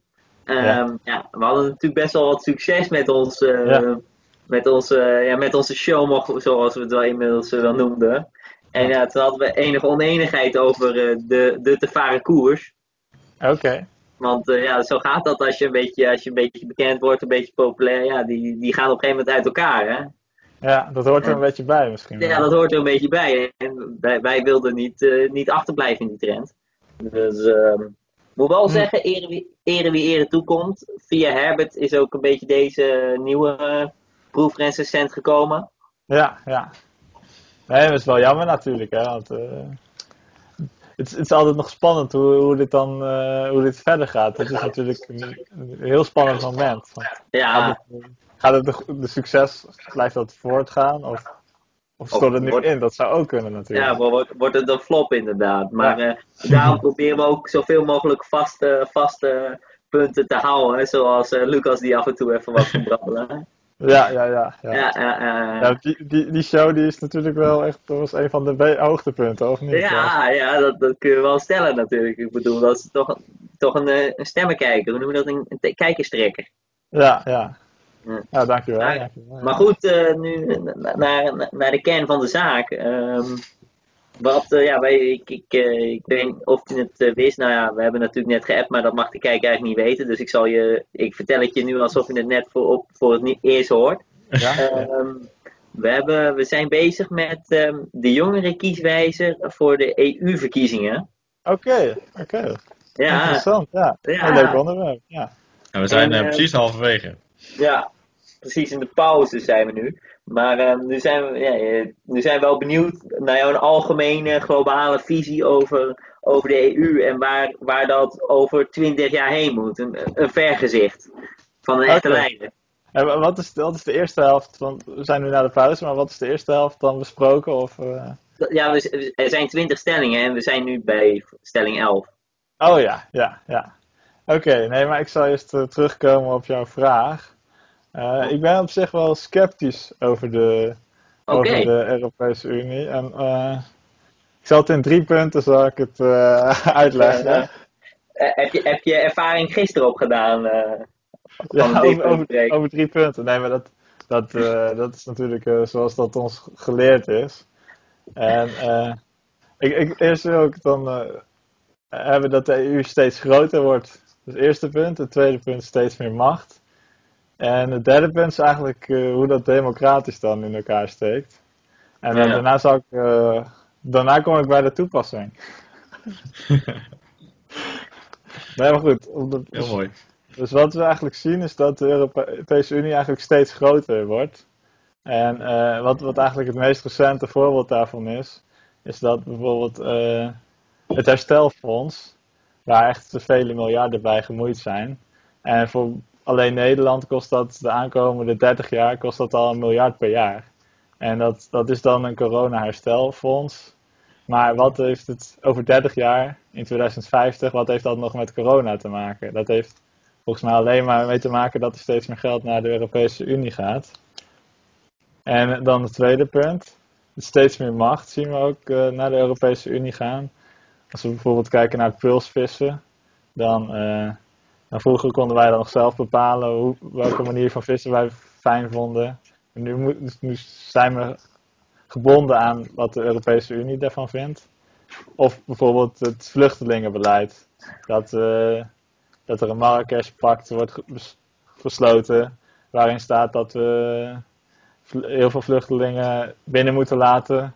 En dat het, waarin het lastig wordt om ze terug te sturen als ze niet welkom zijn. En dan als laatste hoe, hoe dat nou uiteindelijk democratisch allemaal bepaald wordt. Want wat ik een beetje denk is dat de mensen die al in Brussel zitten, die daar al een jaar of tien zitten, dat die een beetje eh, in een eigen bubbel leven. En dat ze eigenlijk niet meer eh, goed snappen hoe de, hoe de gewone mens, de gewone burger erover denkt. Of wij wel Ja. allemaal zitten te wachten op eh, wat zij allemaal beslissen. Mhm. Dus, dus, dus dat vind ik, eh, dat vind ik al een beetje, een beetje lastig hoe dat, eh, ja, dat democratisch dan bepaald wordt. En dan, eh, dan de toepassing, of eigenlijk een soort van conclusie. Eigenlijk tot wel, ik denk tot ongeveer een jaar of anderhalf jaar terug, dacht ik van nou, moeten dan, het moet, moet niet langer zo doorgaan. Dus het moet een beetje hervormd worden misschien. Maar zeker nadat die herstelfondsen toch doorgingen, toen dacht ik van nou, misschien moeten we hier ook gewoon als Nederland maar mee stoppen. En sindsdien ben ik eigenlijk wel voor een eh Nexit. Ik denk dat, dat, eh, dat het in het begin zal wat lastig zijn, maar uiteindelijk is de Europese Unie is een zinkend schip. En dan kun je maar beter op tijd uitstappen. Zo zie Hmm. ik dat. Ja, Nou, maar ehm, bijvoorbeeld over die eh, corona geld is dat, zou je, daar kun je, kun je ook van zeggen van dat, dat heet solidariteit. Eh, nou ja, in hoeverre is het solidair dat, wij, dat gewoon al het geld van eh, de rijke landen, die altijd eh, zuinig, zijn geweest, dat dat maar naar de arme landen moet die het geld over de balk smijten, die de pensioenleeftijd naar beneden doen, die het, die het gewoon weggeven eigenlijk. Dat, dat heeft niet meer echt iets met solidariteit te maken, vind ik zelf. Ja, ja want ik, ik, deel, ik deel wat dat betreft ook wel gedeeltelijk je punt. Want bijvoorbeeld eh, in Italië was het van, eh, ja, we gaan, de, we gaan de euro slopen. Was, was ongeveer hun, eh, hun devies. Ja. En, en toen kwam corona en toen kreeg ze ongeveer het meeste geld. Ja, Italië doet dat heel slim. Hè? Want dus, als er geld moet worden verdeeld vanuit de Europese Unie, dan roept Italië van ja, wij hebben veel geld nodig, want wij zijn heel arm. En als er een eh, G8-top komt of zo, dan eh, zegt Italië van hé, hey, wij eh, willen ook meedoen, want wij eh, hebben heel veel geld en we hebben heel veel macht. zo zo Ja. pakken- eten ze van twee walletjes en nou, dat doen ze heel goed eigenlijk. Ja. Ja. Ja, maar toch denk ik wel gedeeltelijk van dat Nederland wel in zijn eentje toch te weinig kan klaarspelen in een internationale eh, wereld. Ja, ja de- nu heeft eh, Groot-Brittannië heeft nu het, eh, wel ge- gekozen voor een brexit dan. Ja. En, eh, ik ben heel benieuwd hoe dat gaat. En, en ik denk dat het dus de afgelopen paar jaar, of de aankomende paar jaar, ook nog wel, wel lastig zal zijn. Maar uiteindelijk hebben ze ook weer heel veel vrijheid. Ze kunnen nu zelf hun afspraken met China maken of met de Verenigde Staten. Ja. Dat biedt ook wel weer kansen, want je bent ook weer niet gebonden aan wat, hoe de rest van Europa er- daarover te zeggen heeft. Of over denkt. Ja, het, het, het geeft weer vrijheid, maar ook als je kijkt dat heel veel, heel veel werk uit, uit, uit- vooral uit Londen is, is, eh, is gegaan. En eh, nou ja, die hele, de hele daar is ook gewoon een hele, hele apen, apencircus, zeg maar. Ja, ja. Hoe dat daar gaat, nou ja, je, je wordt er in ieder geval op korte termijn niet stabieler van. En Nee. dan kun je nog zeggen, ja, Gro- Groot-Brittannië is nog een soort van, nou niet wereldmacht, maar wel halve wereldmacht. Nou, Ja. dat, kun je, dat kun je niet van Nederland zeggen. Nee. Nee, Snap je? Dus als het, als, als het zeg maar, stel het gaat bij eh eh, Verenigd Koninkrijk een beetje mis, dan zal het bij Nederland helemaal misgaan. Nou, Ja, nou, Nederland is ook nog wel relatief significant toch ergens. Het is niet alsof Nederland gewoon helemaal weggecijferd kan zijn. Nee, maar het is wel een, een treetje minder in ieder geval. Ja. Ja, maar. Ja. Maar als het, als het bij eh, eh, eh, Engeland niet verkeerd gaat, dan, dan is- gaat het bij Nederland waarschijnlijk ook goed. Dat kun je dan ook weer zeggen. Ja, ja. ja als, als ze een beetje hetzelfde stappenplannetje doen inderdaad. En een beetje dezelfde dingetjes doen. En eventueel ja, wel meer ook eh, juist de samenwerking zoeken met eh eh, Verenigd Koninkrijk. Omdat dat toch wel ongeveer het land in Europa is wat het meest op Nederland lijkt. Ja, ja, Eventueel op de Scandinavische landen na, maar, en Duitsland. Maar dat zijn wel een beetje de, de, Ja. de type Nederlandse landen. ja maar het beeld wat wel soms een beetje wordt geschetst is dat als wij uit de EU gaan, dat we ook niet meer met de EU kunnen handelen. Maar eh, wij, Dat is onzin. Want waar komen al onze producten vandaan? Die komen allemaal uit China. Nou, die hoort ook niet bij de EU. Dus je kunt Nee. prima verder nog blijven handelen. Dus het is niet dat je hele markt in één keer gegarandeerd in elkaar stort natuurlijk. Aan de andere kant heeft ook China een betere handel- eh, onderhandelingspositie, omdat ze zeggen: ja, wij eh produceren zoveel als jullie ons handelen, onze, onze tarieven gooien, dan worden gewoon je eigen producten duurder. Terwijl in Nederland zegt ze van: voor de, EU, voor de Europese Unie is Nederland ook een insignificantere handelspartner. Ja, ja. Nee, ja, dat, is, dat is inderdaad waar. ja. Maar ik denk van als je dus, je- hoe de Britten het gedaan hebben is wel een beetje extreem natuurlijk. Die hebben gewoon erover gestemd en die zijn toen, eh, ja, die, die moesten toen maar eruit. Maar als je het wat beter voorbereidt en een soort plan maakt van nee, over eh, vijf, zes jaar eh, willen we ongeveer de EU verlaten en dan kun je nu al erop voorbereiden. Dan, eh, Mhm. dan hoeft het ook niet zo chaotisch meer te zijn en dan Zoiets, dat lijkt mij eh, ideaal Het is- eigenlijk. Het is, het is zeker waar dat je wel kan leren van. Als je het doet, je, dat je kan leren van wat er in, eventueel in, de, in het proces bij, bij het VK verkeerd is gegaan. Ja, Dat, dat is sowieso waar. Maar toch denk ik wel persoonlijk van dat je wel beter de, de samenwerking kan zoeken als de, als de versplinterheid. ja, Zeker omdat ook Nederland nog wel in, de, zeg maar in het vasteland ligt. Bij een dingetje ligt er natuurlijk ook nog een, een plas tussen. Dus Ja. die hadden er al iets minder mee te maken. Kunnen dan ook makkelijker een immigratie stoppen. Omdat ze gewoon ja, alleen maar één eh, tunnel hoeven te controleren en, en, en de vliegtuigen. Snap je? maar, maar het verhaal wat ik net hield van, eh, van het wordt steeds groter, steeds meer macht. Ja. Herken je dat wel? Ja, daar, en daar, sowieso, dat, daar hebben wij het ook al, al een beetje over gehad. Tenminste, ik moet niet voor Koyan spreken, maar wij hebben wel ook bij verschillende stellingen gezegd van ja, de Europese Unie moet hier niet over gaan. Ja, ja.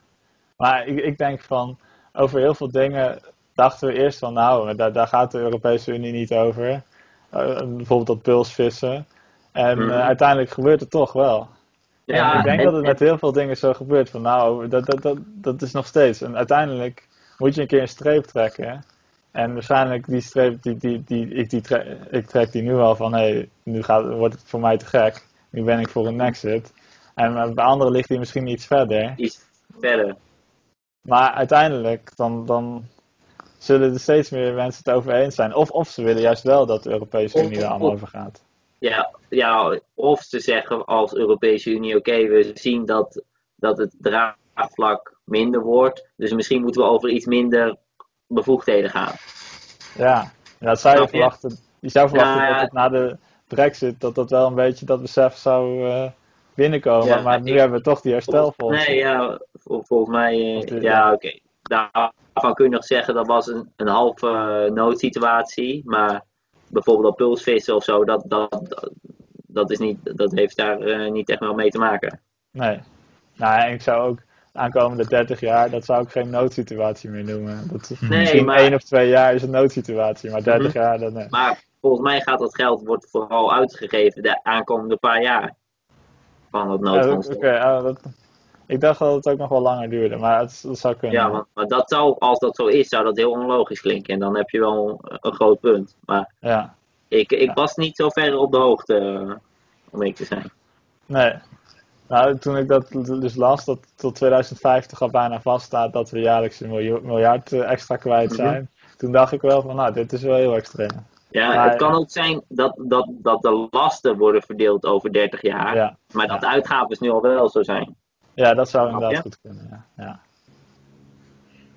Kojan, heb jij hier ook nog een eh, mening over? Nou, over 30 Over jaar heb je, heb je al iets van zes eh, epidemieën gehad, toch? Eh, als het zo doorgaat. Dat was de voorspelling dat het vaker zou gaan gebeuren. En nu hebben we dus een hele mooie eh, reactie met de hele wereld, waarin we ongeveer stil liggen. Maar ik ben er wel benieuwd hoe dat gaat zijn over 30 jaar. Want ik verwacht niet dat het zomaar eh, opgelost is. eh, Nee. maar. Ehm, maar verder eh, eh, heb ik wel dingen gehoord over terug naar de gulden en zo. En dat heeft dan een beetje te maken met een exit, denk ik. Want dan moet je ook weer iets anders dan een euro gaan voeren. Ehm, maar ook wel ideeën over dat je met Duitsland, Benelux eh, of zo, Frankrijk, iets dergelijks uit de EU zou stappen. een beetje samen. Ja, Maar dat is wel iets meer geregeld misschien. Of Ja, dat, dat je een soort tweede bond eh, daarnaast, zeg maar, doet voor de rijkere EU-landen. Waarin je wat minder bepaalt dan op dit moment gebeurt. Zoiets heb ik wel dingen van gehoord, maar ik ja, Ja. ben Ja. daar verder niet zo heel erg van op de hoogte wat daar dan de wijsheid is. Maar Dat lijkt me ook wat minder voor de hand dat dat nu.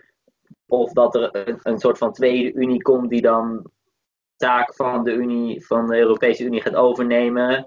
Of dat je met, met een bepaald groepje landen zegt, oké, we gaan met z'n allen uit de Unie af. Want nou, Duitsland is ongeveer de, de, de baas in de Europese Unie. Zeg maar, dat is wel de, de belangrijkste speler in ieder geval. Nou, ja, goed. Ja, ik zie daar ook wel, daar zie ik wel dingen in. Dat je met wat kleine, dat je voor de samenwerking er zit, dan voor al het politieke, eh, zeg maar, al die politieke beslissingen, die vind ik dat een land zelf mag nemen. Mhm. En eh, handel en samenwerking, ja, dat, dat, dat is wel, eh, daar wordt iedereen beter van, zeg maar. Dat vind ik wel belangrijk. Als je, als je dat kunt scheiden van elkaar, nou, dat, ik geloof daar niet meer zo erg in dat de Europese Unie dat zou kunnen scheiden. Het is of alles ja, dat lijkt het wel op inderdaad. Als dat zou kunnen, zou ik dat wel mooi vinden, ja. Mhm. Ja, vind ik ook wel. Ja, goed. Nou, dank voor je, dank voor je komst in de studio. Ja, dank, ja, dank voor de uitnodiging. Ja, Voor je geen goed, onderbouwde mening. ja, ja. En ja, wie weet, eh, wie weet tot, een, tot een volgende keer. Eh, ik zou zeggen, doe je best bij de quizvraag. En eh, wie weet, eh ben je hem. Oké, Ja, nou goed. Eh, tot ziens. Ga ik Dag, dag. ophangen, denk ik, hè? ja, ja, volgens mij kunnen jullie er niet uitgooien. Dus, Ja. nou, succes nog met die eh, eh, Ja. laatste tien vragen. ja, ik, ik, ik, ik zal wel terugkijken wat het geworden is. Dan, eh. Ja, Ja. komt helemaal goed. Oké, ik kon hem dus toch uit het gesprek eh, verwijderen. Ik kan jou zelfs uit het gesprek verwijderen, dus dat is wel grappig. Maar eh, dat gaan we maar niet doen. wel heel eh, alleen, hè? ja, dan, dan lijk ik een soort van halve dictator. En dan beginnen mensen dat verhaal over macht dat naar je hoofd stijgt en zo echt te geloven. je hebt gewoon Herbert er ook uitgegooid. Uh. Ja, dat moest eigenlijk geheim blijven, maar... Uh, ja, we zijn achter de waarheid gekomen. Helaas, helaas. Uh, ik denk stelling 11. Ja. De EU-landen mogen alleen een handelsverdrag sluiten met landen die bijdragen aan het behalen van klimaatdoelstellingen. Ja, ik denk dat dit weer een beetje dezelfde discussie wordt als de, als de mensenrechten discussie. Ja, dat denk ik wel. En dat lijkt er wel erg op. Um,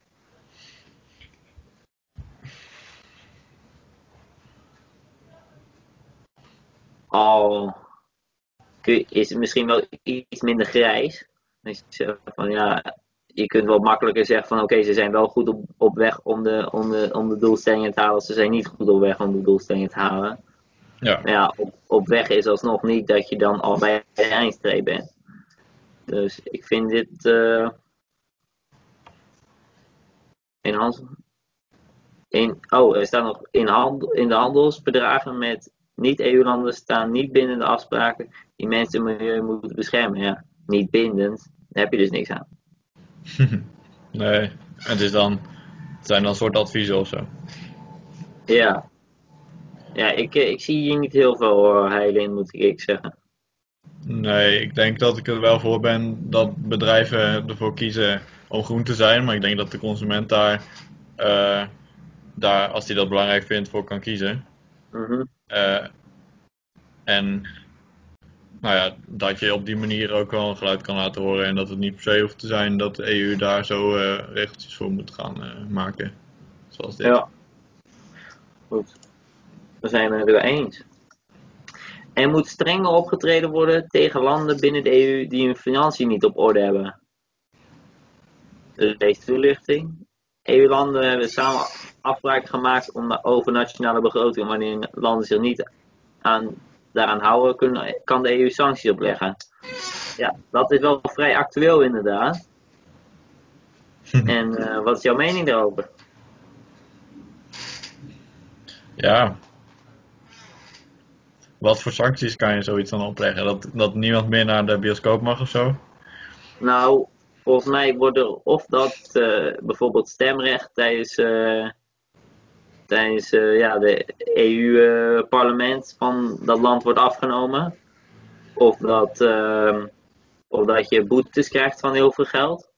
Ja, maar als je je economie al niet op uh, orde hebt ja, en je krijgt een boete van veel geld, dat is ook niet helemaal opbouwend, zeg maar. Maar volgens mij zijn er wel redelijke instrumenten die, waar je zeg maar, landen nog wel een beetje mee kan straffen. Want, ja, Pensioenleeftijd zelf... twee jaar omhoog. Ja, of dat, dat, dat, dat landen een soort van half onder curatelen moeten staan of zo. Dat zou ook nog kunnen. Maar ja, kijk, het is natuurlijk, je wil wel zoveel mogelijk die integriteit van de landen bij zichzelf houden. Maar er staat hier ook dat die al zijn gemaakt, snap je? Dus als een afspraak is gemaakt, dan moet je er ook aan houden. Ja, of, ik weet niet hoe streng, er, weer zo'n vraag over van er staat dat er strenger moet opgetreden worden. En dan ga ik er dus vanuit dat er niet streng genoeg wordt opgetreden. Nee, want er zijn wel geval, regels, maar volgens mij worden die niet echt gehandhaafd. In dat geval vind ik het waar. Dan ben ik het ermee eens. Of helemaal mee eens zelfs. Ja. Want als je afspraken maakt, moet je ze gewoon nakomen en je best ervoor doen. En als dat dus duidelijk niet zo is, dan is er gewoon, dan heb je gewoon een contract geschreven waarin er staat dat je daar ook acties tegen kan nemen. Dus sancties. Ja. Dus uh, ja, dan zijn we die denk ik wel uh, snel over eens, denk ik. Even kijken. Dan gaan we op. ik ga op eens klikken. EU-landen mogen zelf bepalen hoeveel vluchtelingen ze opnemen. De omvang en de herverdeling van vluchtelingen gebeurt op dit moment op vrijwillige basis. Landen mogen zelf steeds hoeveel vluchtelingen zij opnemen. Landen aan de buitengrenzen worden het meest belast. Ja. Um, Zou dat het uh, Moscovic, uh, of hoe dit, uh, akkoord zijn? Geen idee. Want Lucas die zei daar, zei daar iets over. En dit is natuurlijk al een poosje terug. Dus Mhm. ik, ik Ja. vroeg me nog af of die stelling een keer langskwam. Of, of dat we die al hadden gehad over vluchtelingen. Maar... Ehm,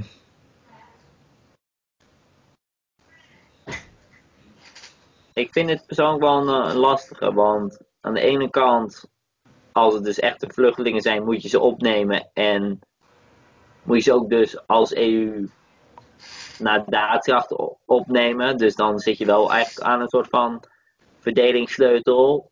Aan de andere kant wil je wel hier ook wel die de, de, de, de autoriteit van EU-landen dat ze een beetje zelf mogen over hun eigen inwoners mogen gaan. ja, ik denk niet dat ik, er, dat ik voor deze stelling ben. Gewoon omdat landen dat denk ik zelf moeten bepalen. Maar Oh, dan staat het eigenlijk dat ik wel voor ben voor deze stelling. Maar ehm, eh, ja, ik zou wel snappen dat de EU een, bepaald, ehm, een bepaalde manier vindt om eh, vluchtelingen de mogelijkheid te geven de verdeling, zeg maar, over de landen goed te laten verlopen of zo. Ik weet niet. Ja. Ehm, dat was volgens mij niet een hele goede Nederlandse zin. Maar Ik snap wat je bedoelt.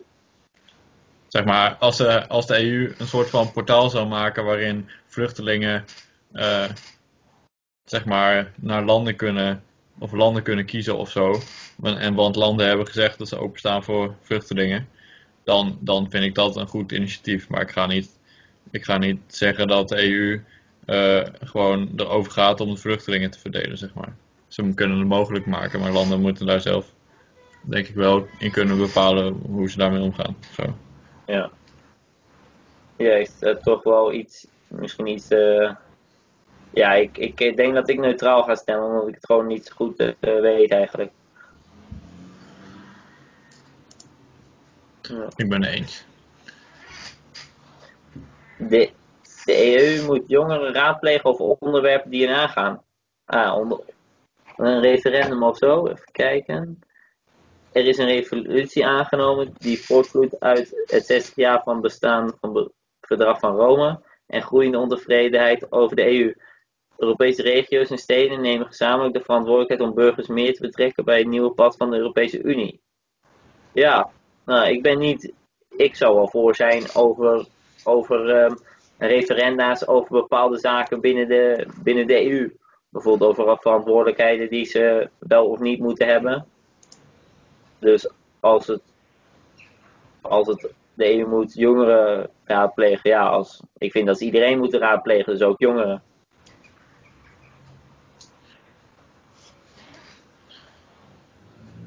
Maar wat vind jij daarvan? Ehm nou, ik, ik heb het idee dat het een klein beetje gaat over, over wat eh, Lucas net zei. Omdat, eh, nou ja, ooit, het- hier wordt het verdrag van Rome genoemd, dat is de, de EEG. Dat was een soort Mhm. verbond tussen de, de, nou ja, nu meest rijke en sterke landen of zo misschien, plus Italië Ja. van, van de EU. Ehm, maar er is dus groeiende ontevredenheid.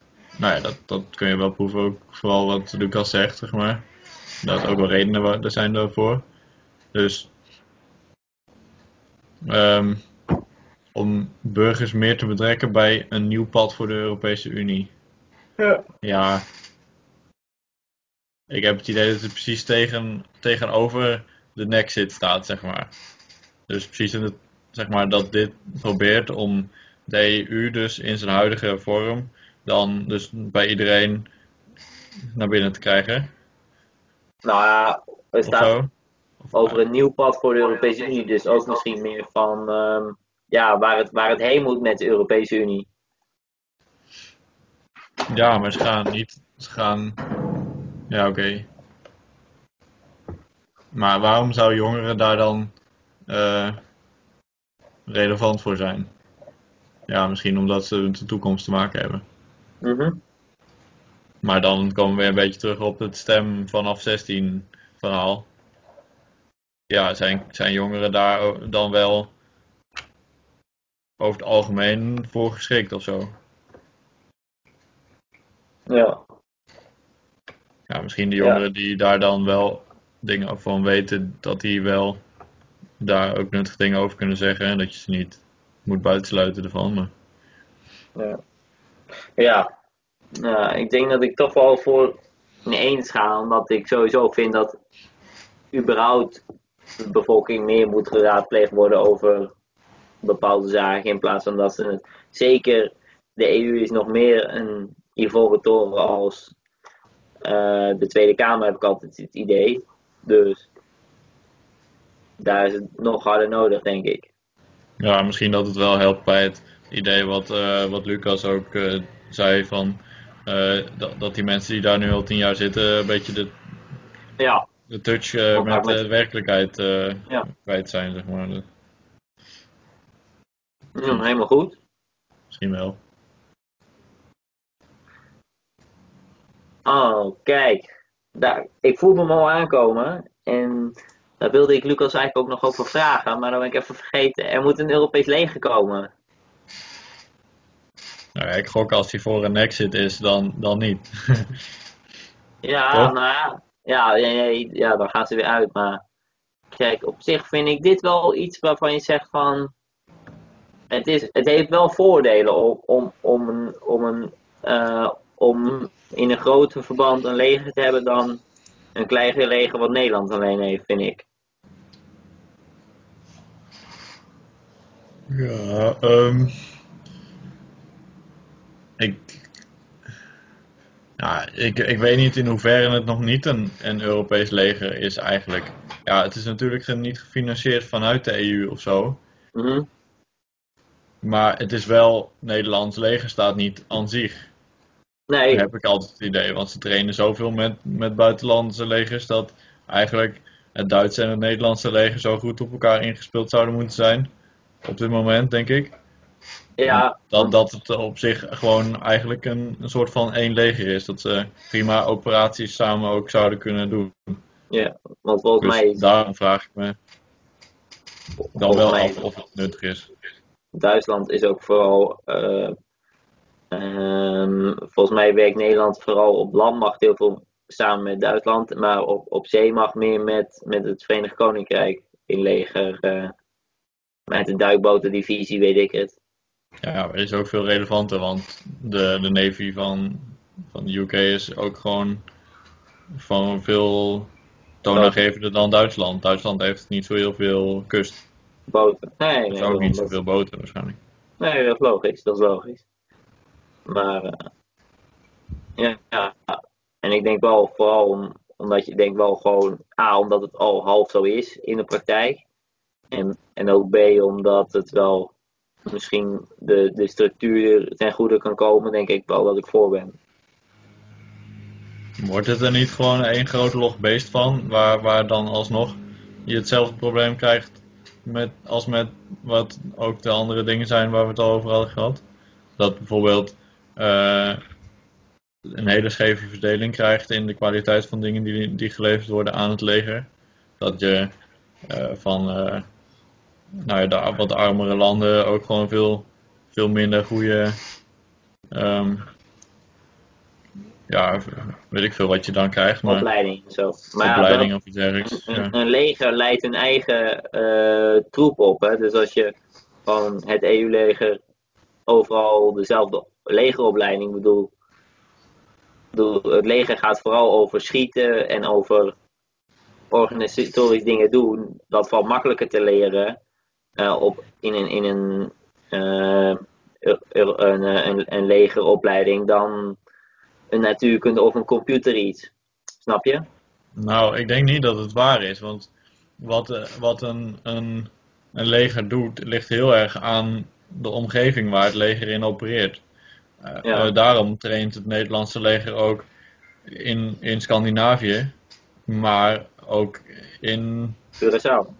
Amerika en, en zo, en Curaçao en weet ik veel wat. Ja. Eh, allerlei verschillende gebieden. En het, eh, oorlog voeren in Nederland gaat heel anders eruit zien als het oorlog voeren in Bulgarije of Ja, in Italië of weet ik veel, op, de, op zee. En als je dat allemaal eh, in één groot systeem stopt, weet ik niet of je die specialisatie ook nog weer vorm kan geven. Zeg Mhm. maar. En dus ik denk dat daarin dat het juist heel waardevol is als landen zelf hun leger eh, op orde hebben. En hun eigen land in ieder geval goed kunnen verdedigen. En nou ja, zoals dan misschien eh, ook relevant is in buurlanden of op operationele plekken dan trainen. Eh, dan daar ook inzetbaar zijn. Maar dat hoeft niet van mij via de EU te gaan of zo. Maar goed, ehm, die, die specificatie kun je alsnog erin houden in een Europees leger. Dat, dat Nederlandse eh, soldaten vooral trainen in Nederland. Even in eerste instantie. Ja, maar wat is dan Dus de toegevoegde dat- waarde nog van het, van het systeem? Nou, bijvoorbeeld dat in, in Nederland heb je bijvoorbeeld een heel sterke duikbotendivisie. Weet ik even zo niet, maar volgens mij is dat zo. En dan, en, en dan, maar we hebben bijvoorbeeld heel weinig helikopters, bijvoorbeeld. En nou, dat kun je dan afstemmen dat eh het Nederlandse di- divisie, zeg maar, dus heel goed is in duikboten en in, en, in helikopters. Of, en, en, dan, en dan de Franse weer heel goed is in, in tanks en in, eh, en in, eh, en in vliegtuigschepen.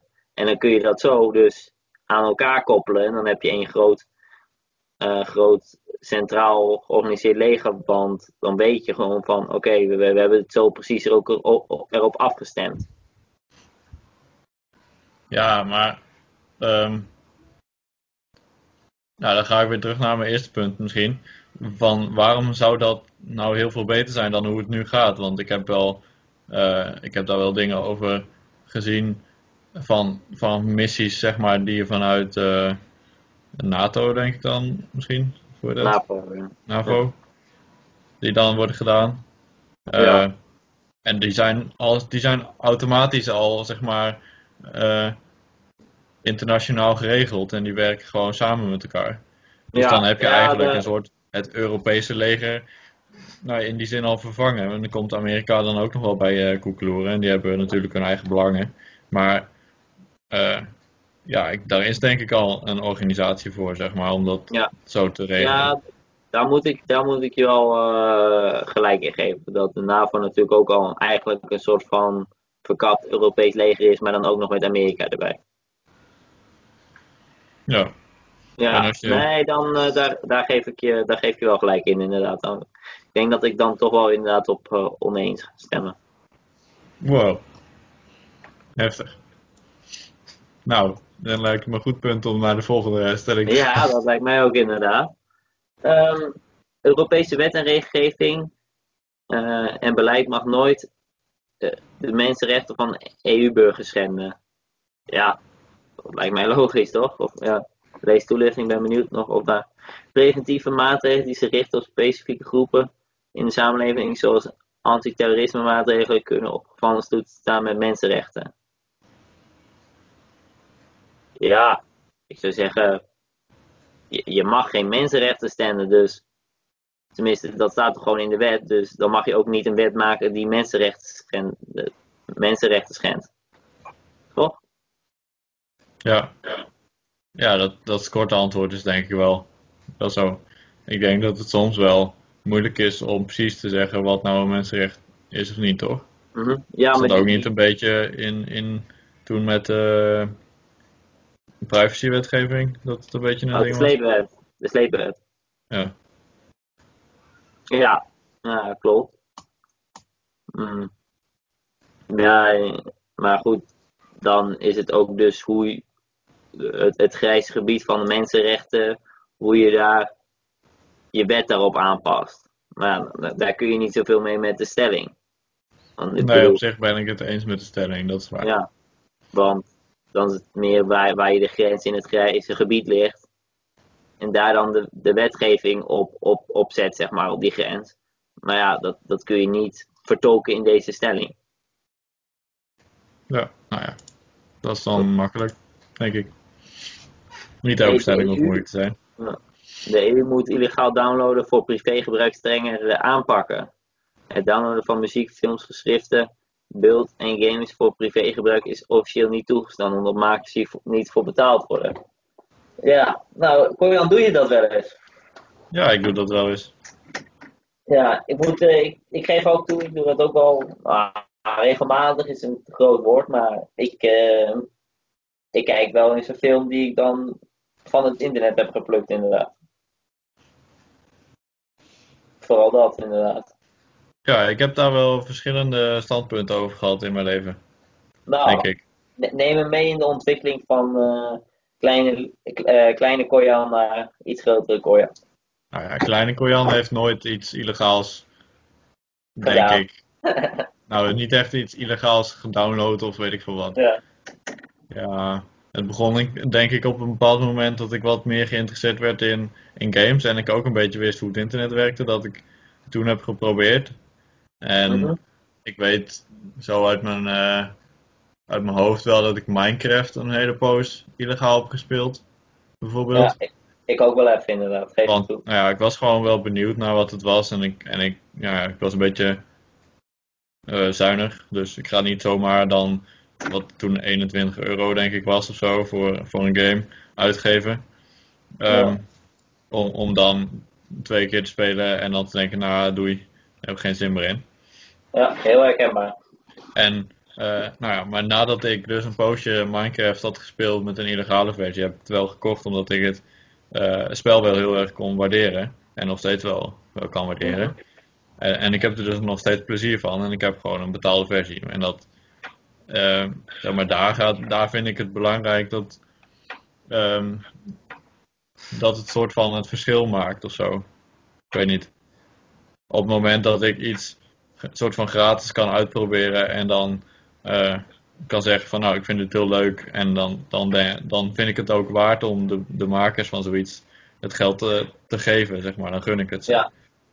Maar, en het gaat natuurlijk heel erg hard mis, de, de, deze redenering op het moment dat je films gaat kijken en zo. Want dan weet je eigenlijk no- niet heel vaak of nou het waard is of niet. Eh, in ieder geval ik niet, maar Nee, eh, dat is misschien anders. Maar zo ga ik er in ieder geval wel regelmatig mee om. Alleen voor films vind ik dat soms moeilijker, of voor series misschien. En dan heb ik ook wel vaak het idee dat het wat minder relevant is of zo. Ja, ik weet niet zo goed waarom. Want het maken van een film is nog steeds veel werk, maar als je ziet hoeveel geld daarin omgaat, is ook wel echt heftig. Maar ja, in, in games gaat meestal ook superveel geld op. Dus dat, dat is niet helemaal het verschil, toch? Ik bedoel, Nee, dat is waar, maar ja, misschien is dat gewoon iets waar ik me meer aan kan relateren of zo, omdat ik zelf ook wel geprobeerd heb wat, wat te programmeren en wat, wat gamesachtigs te, te produceren. Eh, ja, en, en dat ik gewoon heb gemerkt dat dat echt extreem veel werk is. En Mhm. dus daarom is er ook nooit echt iets geworden. echt gekomen, maar Ja. ik kan me voorstellen dat het dus heel, heel veel werk is om iets goeds te maken. Ja. Ik ben bijvoorbeeld wel eh, nu heel lang al aan het programmeren voor de RSK-website. Ja, om dus Ja. echt iets goeds te maken wat ook werkt en waar die functionaliteit ook allemaal in zit. Dus zoiets moet je bij een spel ook doen. Dat is Ja. gewoon wel veel moeite. Daar wil je wel geld voor krijgen, want je moet mensen betalen die dat ook maken en zo. Mhm. En je wil er winst voor maken, want het is een commercieel product. Ja. En voor films is dat natuurlijk net zo waar. Ja. Ik weet niet. Dat, dat, dat ja, ik, ik heb er wel eens over nagedacht op die manier. Zeg maar, dan gaat dan mijn, mijn evolutie gaat verder. Eh, dat ik een heel poos heb geprobeerd om dat niet te doen. En eh, de laatste tijd, of de laatste tijd, nou ja, eh, toen is dat gewoon een keer gestopt en, en nu doe ik het soms weer of zo. Maar ik, ik consumeer over het algemeen heel weinig film Film. en seriemateriaal. Omdat Ja. ik niet denk dat dat heel gezond is. Ja. Eh, maar als ik het doe, dan is het wel regelmatig eh, illegaal, denk ik. Ja, Ja. Zelf, zelf heb ik ook soms een beetje de gedachte, maar dat klinkt misschien een beetje krom. Maar de optie is of ik, even, even uitgaande van een film, of ik kijk het illegaal, of ik kijk het niet. En dan zijn er zo, dan gaat dus de, de maker gaat er sowieso geen geld aan verdienen. Snap je? En dan is dus alleen het, het, het, het netto winst is dus heb ik de film gezien en daar plezier van gehad of niet? Snap je? Voor het hele universum. Hij zit Ja. heel, snap je? En dat, dat is soms ook wel een beetje hoe ik, hoe ik er tegenaan kijk. Ja, ja. Ja, ik, ik, vind, ik vind dit er denk ik van, zeg maar. Dit, ik denk dat dit mijn, mijn mening is en dit is denk ik ook hoe ik, hoe ik ernaar probeer te leven. Is dat ik op het moment dat ik het ehm, nou ja, wil, wil gebruiken of dat ik het wil consumeren, dat ik dan niet altijd direct zal betalen. Eh, maar als ik het kan waarderen, dat ik dan wel geneigd ben om daar een restitutie voor te geven aan de personen die dat verdienen, zeg maar. Dus, stel je, dus even in de praktijk, stel je voor je hebt een film gedownload, illegaal. En die is, eh, dat was echt de beste film ooit. Hoe eh, doe je dan die eh, restitutie? In het hypothetische geval. Ja, dat is lastig, want ik weet niet goed waar ik dan naartoe zou gaan. Nee. Ehm, maar, nou ja, ik, ik zou wel. eh, ik kan bijvoorbeeld wel over eh, Duin. Eh, dat is een sci-fi serie. Die heb ik Mhm. helemaal gelezen. Dus ik heb al die boeken, nou ja, al zij het dan tweedehands aangeschaft. Daar heb ik wel wat illegaal dingen van gekeken. En niet alles was illegaal, want sommige dingen zijn ook gewoon beschikbaar. Want die zijn gewoon zo uitgebracht. Maar ehm, nou, die films die zijn ook allemaal heel oud. Dus dan Ja. is het ook weer de vraag of dat het nog echt waard is zonder achteraan te gaan. Maar Mhm. voor, eh, er komt bijvoorbeeld een, een nieuwe Duin-film uit. Eh, gewoon over dat, dat verhaal, het begin van het verhaal vooral, denk ik. Mhm. Daar, daar wil ik op zich wel, wel naartoe en daar wil ik op zich wel voor betalen om dat ook, om die entertainment mee te maken, zeg maar. En Ja. die film heb ik dus nog niet gezien. Nee. En die, die is er al wel. Nee, die komt eraan. Oké. Dus ja. daar ben ik nog op aan het wachten. Maar ehm, ik ben wel heel benieuwd hoe, hoe dat gaat zijn. En daar wil ik dan op zich die creators ook wel in, in steunen. En ik denk Ja. dat het ook belangrijk is om niet al te. Ja, om, om daar wel gewoon een beetje mee bezig te zijn. Want het, het zorgt er ook voor dat je ehm, wat minder consumeert misschien. Ja. Als, je, als je zorgt dat je daar ook wel wat voor moet betalen. De hand op de knip houdt wel, ja. Ja, nou ja, eh, ja, ervan uitgaan dat je een klein beetje wel zuinig bent met je geld. Ja. Ehm, of dat je daar in ieder geval wel bewust mee omgaat. Is, nou ja, entertainment vind ik denk ik een prima plek om wat geld uit te geven. Maar ja, je moet Ja. je natuurlijk wel ook een bepaald budget voor, voor eh, gebruiken. Ja. Dus Ja, goed. Dus eh, wat, eh, wat, wat, wat, wat is jouw stemadvies eh, in deze? Ja, en dan komen we bij de, bij de EU aan. En die gaat dus, eh, of die, die wil dus volgens deze stelling dan, eh, nou ja, globaal dus zorgen dat, men, dat daar meer aanpak voor is. Ja. Ehm, ik ben het daar denk ik niet mee eens. Want ten eerste vind ik dat eigenlijk iets wat landen zelf moeten weten. Ehm, en ook een beetje waar een soort van. Nou ja, ehm, de sector die, die daardoor getroffen wordt ook wel een beetje dingen voor moet zorgen, zeg maar. Ehm, het is natuurlijk handhaving, dus iets met wet en, en dat moet handhaafd worden. Handhaafd. Dat Ja. Maar het is ook wel, je moet ook weer niet al te makkelijk maken om zulke soort dingen illegaal te kunnen doen, zeg maar. Ja, maar hoe kunnen die bedrijven dat tegengaan? Dat zie ik zo niet eh, direct voor me. Ja, ik zit ook niet in die business, maar Nou, er zijn best voorbeelden van games die, eh, die gepirate worden, ehm, Mhm. maar dan eh, een pirate versie hebben die gewoon stuk gaat, zeg maar. Eentje daarvan is Game Dev Ty- Tycoon, dat is echt een legendarisch voorbeeld. Daar, daarin ben je dus een, een bedrijf dat een game gaat maken. En dat Ja. gaat er helemaal om dat financieel dus gewoon recht te krijgen. Hè? En te laten zien ook een beetje hoe moeilijk het is om zoiets echt te runnen. Maar als je dus de, de, de, de pirated copy hebt, die ze dus stiekem als eh, game studio zelf eh, mij. veranderd hebben en ge, ja, gepirate hebben. Ja, Er waren dus heel veel mensen die aan het klagen waren na de release van die, van die game. Dat het zo moeilijk was om, om überhaupt ooit te winnen. Omdat na zoveel maanden ehm, er op een, op een of andere manier steeds meer geld verloren ging. En, en heel weinig inkomsten waren. ja, En dat kwam omdat die gamefiles zo ge- veranderd waren dat er heel veel, heel veel piracy zou zijn in, in de gepirate games van, van de Oh. game dev tech. Dus Ah, en dat is echt super grappig. werd gesimuleerd dat, eh, dat er gewoon, ja, wat er eigenlijk gebeurde op het moment dat je dus alle games die je ooit wil spelen gaat piraten. Oh, dat is wel, dat is wel een leuk verhaal inderdaad. eh. Dat vond ik best wel grappig, want het Ja. geeft wel een soort van aan dat eh, op het moment dat er een goede pirate versie is, dat, dat heel veel mensen er eigenlijk wel gebruik van maken. En dat het Ja. heus ook wel een impact heeft op de, op op de winst van dat bedrijf. ja, op de wereld van het game maken. En dat het dus best naar is dat dat gebeurt. Maar Dus ik toch, ben er zeker voor om daar iets voor- aan te doen. ja, maar hoe kunnen die bedrijven dat zeg maar heel erg aanpakken? Want zodra er een pirate versie die werkt, ergens, ergens verkrijgbaar is, dan ergens een torrent van is, dan kunnen heel veel mensen erbij. Dus dan, daar kan het bedrijf daar niet zomaar wat aan doen. Nee, nee, daar kan je niet altijd wat aan doen. Nee, dat klopt.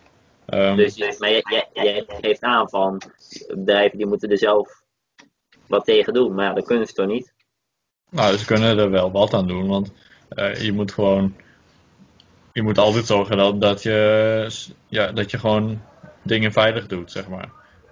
Je wil eigenlijk niet dat er, een- dat er zo'n kopie bestaat. En dat het mogelijk Nee. is dat mensen die maken. Dus Ja. da- daar moet je je best voor doen. En nou ja, als dat dus wel gebeurt, dat waarschijnlijk wel voor het over het algemeen wel bij games gebeurt. ehm, Mhm. nou ja, dan moet je, ja, dan moet daarna wel handgehaafd worden. Maar hoe dat dan precies, ik weet niet of dat voor privégebruik echt het probleem is. Je wil niet dat er zo'n torrentsite bestaat. Nee. Want dan is het niet meer privégebruik. En daar, dat moet je denk ik aanpakken.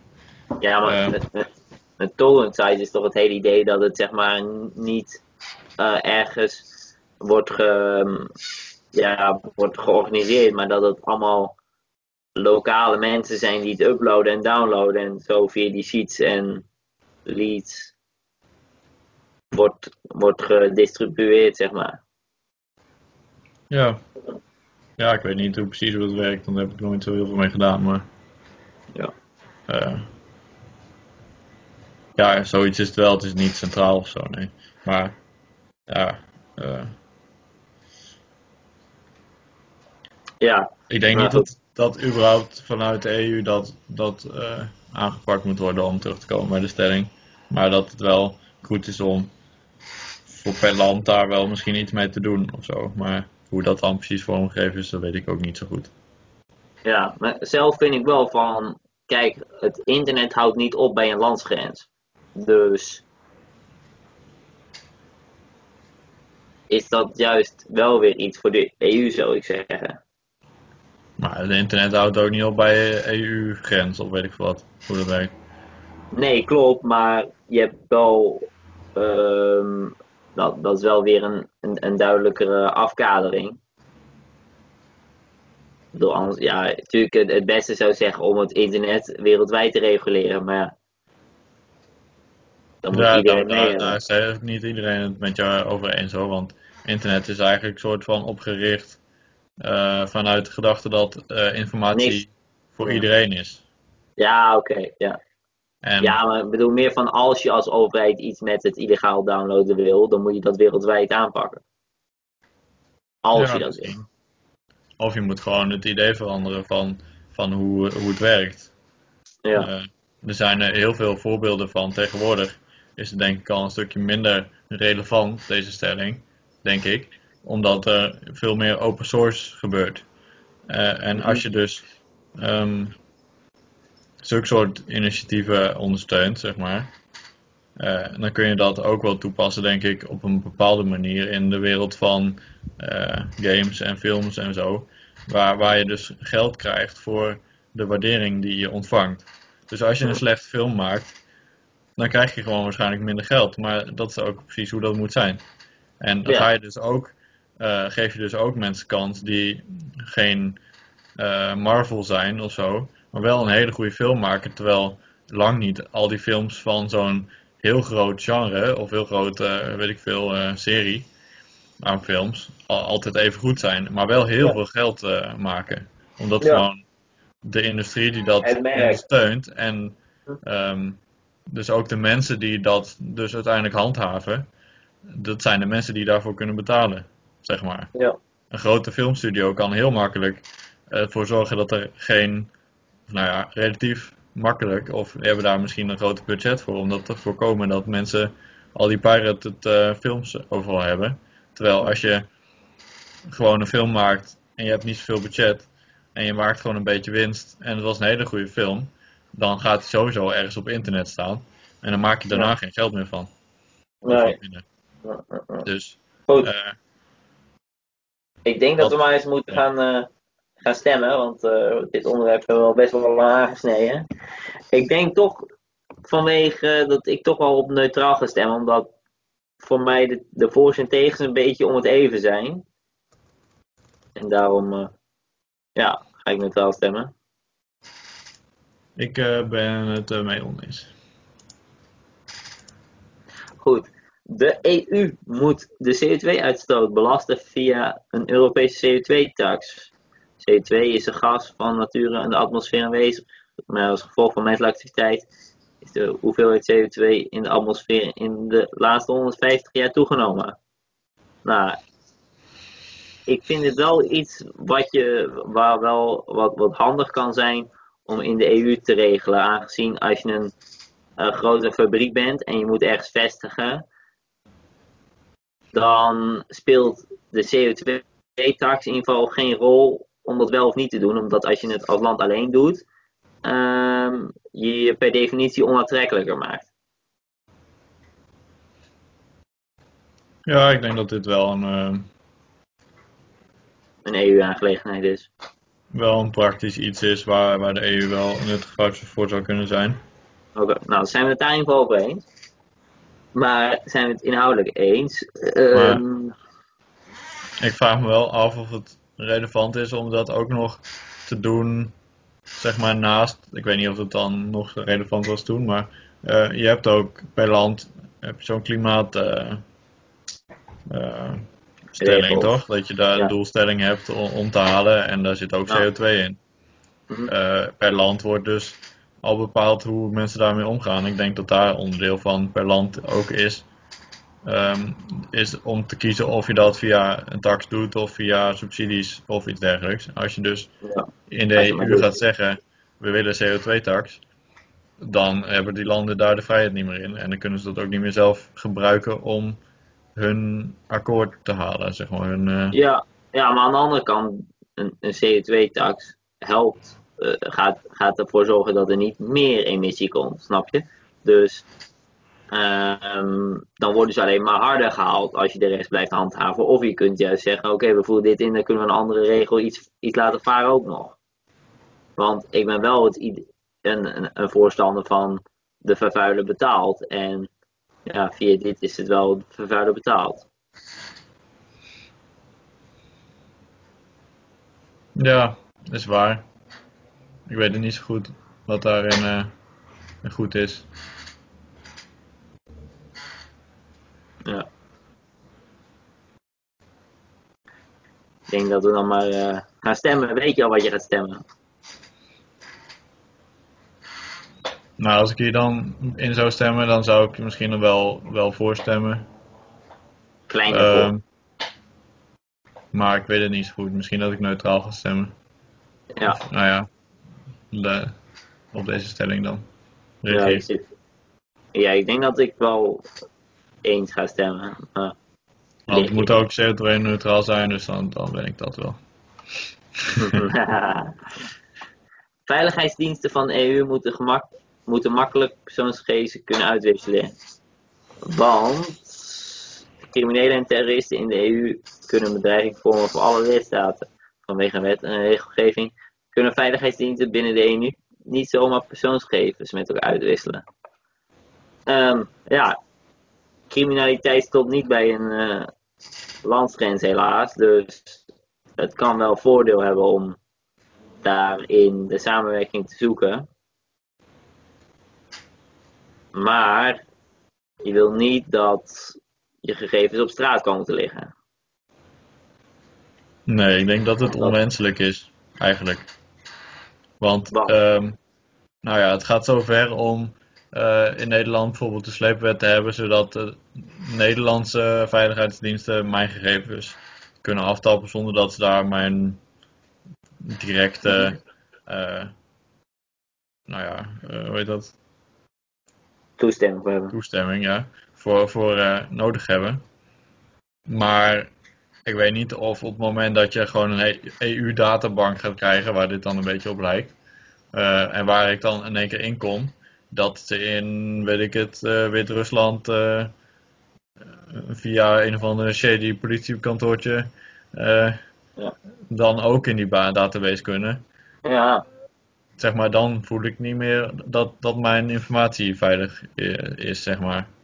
Ja, maar mak makkelijk, makkelijker opvragen of uitwisselen betekent niet um, uitwisselen zonder barrière. Of dat je gewoon de hele, de hele database van alle Nederlanders in kan kijken zonder geen reden. Snap je? Nee, dat, dat, klopt. Ik snap wel dat het een beetje een overdrijving is misschien, maar... Mhm. Uh, ja, toch, toch heb ik wel een beetje het, zeg maar, het punt daarin samengevat. Ja, voorbeeld. ja ik, ik snap het inderdaad. Ja, ik, uh, ik denk toch wel van makkelijker, dat, dat, zo'n stelling van makkelijker is altijd wel een beetje gevaarlijker. Want makkelijker kan een klein beetje makkelijker zijn of veel makkelijker. En kijk, kijk, het kan misschien wel wat efficiënter als er iets meer wordt samengewerkt. Maar ja, je wil niet dat, dat daardoor veiligheid van privacy en zo in gevaar komt. En we hebben al wel een beetje een samenwerking, toch? Ja, Want ja daarom. je hebt, je hebt een, een Europees gerechtshof en dat bestaat gewoon. En, daarin, En, en, en een Europol. en daar wordt je best wel, er wordt ook best wel samengewerkt. Ook al gaat het altijd met, met zulke soort politiemachten moeilijk of zo. Dat is denk ik ook gewoon een beetje hoe dat werkt. In Amerika is dat ook zo. En dat is ook Ja. helemaal niet eh, optimaal, maar ja. Ik weet Ja. niet. Ik weet niet of dit het dan heel veel beter gaat maken of zo. Ja, ik denk dat ik eh, neutraal ga stemmen, omdat ik ook niet goed voor mezelf weet hoe goed of hoe makkelijk ze al kunnen uitwisselen. Nee, dat is waar. wel nodig om, de, om hier wel wat goeds over te kunnen zeggen. Ja, dat is altijd wel een beetje het probleem met zulke soort stellingen. Ja, de Kan wel helemaal waar. Dat, Oeh, de volgende gaat over wat. Dat is echt het toppunt van deze. ja, de klimaat. Nederland moet uit de EU stappen. Er wordt ook wel gesproken over een nexit in vergelijking met een brexit. Deze samentrekking, ja oké, dat weten we eigenlijk al. Ehm nexit. Ik zeg eh nexit nee. ik, ehm, als ik zou moeten kiezen, dan denk ik dat ik ervoor ben. Toch voor. Ja. Ja, ik, ik, ehm, het is niet heel gek hoor dat ik, daar, dat ik, dat ik die beslissing maak. Nee, dat mag van mij. Ehm, nou Lucas heeft het natuurlijk heel mooi uitgelegd, maar daarom was het niet per se dat ik, dat ik eh, eh, nu Ja. eens zou zeggen of zo. Mhm. Ehm, maar ik heb daar de vorige keer met het EU-stem ook al over nagedacht. Ik dacht gewoon dat er zoveel. Er waren zoveel issues in, in de kieswijzers toen en, en in het, de, oh, zeg maar, rondom waar ze over zouden gaan praten. En waarvoor je een beetje je stem wilde zetten, zeg maar. Dat- ik dacht van, maar de helft van deze dingen is compleet niet relevant om op Europees niveau eh, te gaan Ja. regelen. En ik denk dat dat ook wel terug is komen in wat we met de afgelopen 19 stellingen hebben gehad. Dat er gewoon Ja. regelmatig iets tussen zit waar je denkt van nou, eigenlijk vind ik helemaal niet nodig dat de EU hierover gaat. En dat is dus wel zo gegaan. En dus Maar ik denk dat, nou ja, Ja. dat daar één oplossing voor is dat Nederland eruit zou gaan. Maar je kunt ook, je kunt ook de mening hebben van Nederland moet wel in een Europese Unie blijven, maar wel een andere Europese Unie. En dat zou mijn mening dan zijn. Je bedoelt dan dat de Europese Unie eh, minder macht krijgt. dat je dat Nou, wil. ja, macht op de dingen waarop het handig is dat ze macht hebben. Ja, maar ik denk dat Ja, dat dus- gewoon een hele moeilijke situatie is. En dat, zoals Lucas het wel heeft gezegd, dat dat waarschijnlijk gewoon niet gaat gebeuren. Ja, Dat je, geen, dat je daar nu geen veranderingen ziet en dat het dus echt heel lang gaat duren voordat dat verbeterd wordt. En Ja. wil je dat het zeg maar nog eh, jaren doorgaat of, of wil je actie gaan ondernemen? En, en Ja. daar eh, misschien dan nou ja, sneller iets aan doen of, of daar meer signaal aan geven dat dat nodig is. Ja. Want als het blijft bestaan, en nou ja, misschien gaat, gaat de Verenigd Koninkrijk eruit, maar en dan houdt het een beetje op, dan is dat eigenlijk gewoon prima. Dus dan blijft het gewoon een beetje zoals het is. mhm. ja. Ja, ik vind het een. eh, Ja, ik, ik, ik, ik voel ook wel gedeeltelijk, ben ik wel met je eens, maar het heeft ook heel veel voordelen en voor mij wegen de voordelen nog wel op tegen de nadelen. Nou, dat mag. En, en, ook, en ook de gevolgen die, denk ik, dat, die, dat ze negatiever zijn met, ja, met, met samenwerkingsverlies en dat en dat. Dat ik daar, eh, ja, dat, zo, zo zie ik het inderdaad. Dus ik ga op eh, oneens stemmen. Ja, ik heb ook wel eens een keer een, een, eh, presentatie voor, of een, een betoog en bij Nederlands gegeven over waarom anarchie een goede regeringsvorm is. Dus het kan zijn dat, dat ik gewoon een beetje naast zit en dat het ding een stuk wil hebben, maar ik ben er alsnog wel eens voor. Ja, dom. En ik, ik kan ook bij alles naast zitten. Ik eh, Ik ben eh, zeker geen expert in deze zaken. Ehm, vinden we nog extra onderwerpen belangrijk voor onze uitkomst? Nou, ik vind eigenlijk niks extra belangrijks. Ik ga gewoon kijken wat, welke partijen wil je meenemen. Nou, alleen, tenminste, ik ga alleen voor de zittende partijen, want ja, de rest is toch niet echt heel serieus. Nou, misschien Forum trouwens, die zaten er nog niet in. Die wil ik wel meenemen. Oh, komt dat even goed uit? eh?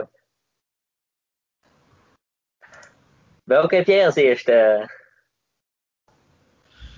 Nou, ik heb eh, klimaat wel nog als extra belangrijk topic gegeven, want dat Ja, vind ik ja. over het algemeen wel, eh, wel zo. Maar bij Ja. mij eh, zit die op 79% CU-SGP. Oh, ik zit op eh 67, eh, eh, 76 procent eh, ChristenUnie SGP. Dat is ook mijn eerste stem. Nou, eerste, eerste keuze, zeg maar. En eh, daarna dan heb ik eh, eh, VVD en CDA op de gedeelde tweede plaats met 72%. Oh, bij mij zijn tweede en derde SP en P van de A. Ook een gedeelde tweede plek. Nee, SP nog ietsje eerder dan de VVDA. Nou ja, wel, wel interessant, want op een of andere manier, kijk, je- je- tenminste dat, dat valt me al vaak op. Ik bedoel, je vult niet je, je, je, je kieswijze per se christelijk in, zeg maar. Ik bedoel, je kunt deze mening ook gewoon hebben als je niet christelijk bent. Ja. En toch kom ik eigenlijk altijd wel uit bij de ChristenUnie. Oh, nou, ik lang niet hoor. Oké, nou, ik spreek ook voor mezelf, hè. Ik, eh, Ik, ik ben eigenlijk wel eh, verbaasd over dat ik nu praktisch alle christelijke partijen ongeveer in mijn, eh, in mijn lijstje heb staan hier. ja. Ehm, want over het algemeen zitten 50PLUS en eh, piratenpartijen in Nederland, als ik, eh, als ik een kieswijzer invul, eh, ook nog wel ergens tussen in de top of zo. ja. Ik weet het niet zo goed hoe altijd, maar Nee, soms zitten er echt rare dingen tussen. Hoeveel procent had je bij de nummer 2? Ja, gedeelde tweede plek? Eh 72. Oh, 72 inderdaad, oké. Ja. Nou ja, ik heb dus ook eh, ja, bij de ene 74 en bij de andere 70 op eh, de tweede plek. Dus eh, Nou, dat zijn op zich aardige matches. ja. Nou, ik, ik weet het niet, maar het is wel, het is, ik, tenminste, ja, ik vind het wel opvallend toch weer dat we toch wel weer, ja, ik moet toegeven, ik stem eigenlijk altijd uh, ChristenUnie, dus ik heb ook ChristenUnie gestemd. Dus toch weer leuk dat het achteraf dan op, op basis van dit onderzoek een goede keuze is geweest. Ik denk dat ik eh, tot nu toe over het algemeen SGP heb gestemd nog. Ja, Ik weet niet, eh, ik denk dat ik daar elke keer weer opnieuw naar kijk, maar ja ik vind vaak wel dat ze aardig wat standpunten hebben waar ik wel eh, mee eens kan zijn. Ja. En nou ja, dus het is een beetje, dan komt hetzelfde, komt op hetzelfde uit uiteindelijk. Voor Ja. deze verkiezing. Nou, hartstikke mooi toch? Nou, Ja. heel geweldig. Dan, dan was dit ook weer ons, eh, ons, eh, ons testje. Wat, eh, wat, wat, eh, wat vonden wij van de, van de, ja, de, de kieswijze? Want dat is eigenlijk uiteindelijk altijd wat we recenseren. Hè? Of, of een test of een, of een meidenblad. Dus nu moeten we ja, koeien gaan verdelen van de kwaliteit van deze internettest. Nou ja, de, de uitkomst is wel relatief over, komt wel relatief overeen met de werkelijkheid, denk ik. Ja, Ik voel, ik kan me wel een beetje vinden in, in de partijen die, die aan het eind zo een beetje langskomen. mhm. Ehm, en jij volgens mij ook nog wel. Misschien voor de tweede, Ja. derde plek iets minder of zo. Maar Ja, nee, ik heb nog nooit zo eh, nooit overwogen om zo. eh maar ik, ik heb sowieso. Ja, ik heb wel overwogen om ooit wat anders te stemmen, maar sowieso nooit echt serieus, zeg maar. nou, dan heb je ook alleen maar de eerste plek nodig, toch? Ja, dat, dat, dat zeker waar. Maar kijk, ik zit soms wel een beetje meer van. nou, eh, ja, ik weet eigenlijk niet wat mijn tweede partij na de SGP, dus eigenlijk mijn derde partij zou zijn waar ik op zou stemmen. is ook trouwens totaal irrelevant. Dat maakt ook niet veel uit. GroenLinks of zo. Nee, joh. ik heb die wel eens eh, goed eh, hoog in mijn kieslijst gehad hoor. Ehm, ja, maar. Want ja. nou ja, er zijn gewoon andere, andere items. Als jij, als jij dingen belangrijk vindt ehm, in een ander gebied dan op dat moment eh, nou ja, de SGP echt voor staat of zo, of de CU Mhm. bij jou dan. Ja, Ja. Dan, dan denk ik dat het gewoon prima een keuze is om, om een andere partij eh, daarvoor te kiezen. Ja, Ehm. iedereen moet, moet stemmen wat hij wil. Zo simpel is het ook. En nou, ik vind het ook soms wel betwijfelbaar of je echt vanuit, ehm, ja, of je altijd vanuit je christelijk zijn dan ook weer moet stemmen op een christelijke partij of zo. Het is natuurlijk wel goed om het christelijk geluid te laten horen of zo in de politiek. Ja. Maar ja, ik weet het niet zo goed of zo. Ik ben daar nooit zo helemaal over uit. Maar dat is eh, eh, Ja. ja, even, even een opmerking tussendoor. Ja. Dus op zich krijgt het daar voor mij al wel een, een, puntje voor. Ehm, Een, ho- ja, hoge waardering. voor, voor de, nou ja, voordat het, dat het in ieder geval wel een kieswijzer is die, die een uitkomst geeft waarvan je denkt van nou, als ik dit serieus heb ingevuld, dan, dan denk Lijkt ik wel het dat het ook, ook wel Ja. goed eh, erop lijkt. Ja. Mhm. Maar ik vond wel dat er echt veel moeilijke stellingen in zaten waar, ja, waar je niet direct heel goed een antwoord op kan geven of zo. Nee, maar het is, ja, het- dat, dat, dat heb je altijd met, met die, met die peilingwijzen natuurlijk. Ja, ze zitten altijd een beetje zwart-wit eh, tegenstelling, zeg maar. Ja, op zich is dat ook een goede stelling, dus, dus daar is Mhm. niks tegen. Ja. maar- klopt, maar het gaat ook om de motivatie achter een stelling waarvan je het soms ook niet mee eens bent. Ook al heb je zeg van, zeg jij van nou, ik ben met de stelling eens en dan lees je de verklaring van een partij waarom ze mee zijn en hoe ze dat willen, hoe het zien en dan zeg je nou, maar dat wil ik ook weer niet, snap je? Ja, ja, of de interpretatie van heel veel Ja. partijen is weer anders of zo. Dat is ook een beetje. Of, of, of dat Moeilijk. inderdaad. Maar dat Ik ligt wel zich niet aan de, aan, aan de, de kieswijze zelf. Want het zijn gewoon de politieke standpunten, zijn dat ook gewoon. Ja. Nou, ik de kan me wel eens een ik kan wel eens een keertje een, een, eh, zo'n eh, stelling eh, herinneren van ehm, er mag alleen maar gebouwd worden in de bebouwde kom. En toen waren, wa- waren mensen, ongeveer iedereen zei, ongeacht wat ze, of ze nou mee eens zijn of niet mee eens, zei ze van, het moet in de ehm, voor zoveel mogelijk in de bebouwde kom. Dat vond iedereen. Maar omdat, ze, omdat de stelling was alleen maar in de bebouwde kom, hadden sommigen gezegd van ja, zoveel mogelijk dus oneens. En sommigen zoveel mogelijk dus mee eens. Ja. Snap je?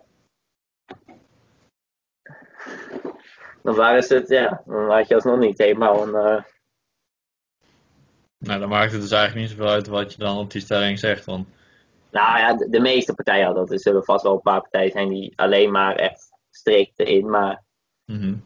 Er waren met, pa- partijen met dezelfde motivatie die anders daar al hadden staan. Jawel, dat zie je vaak wel hoor.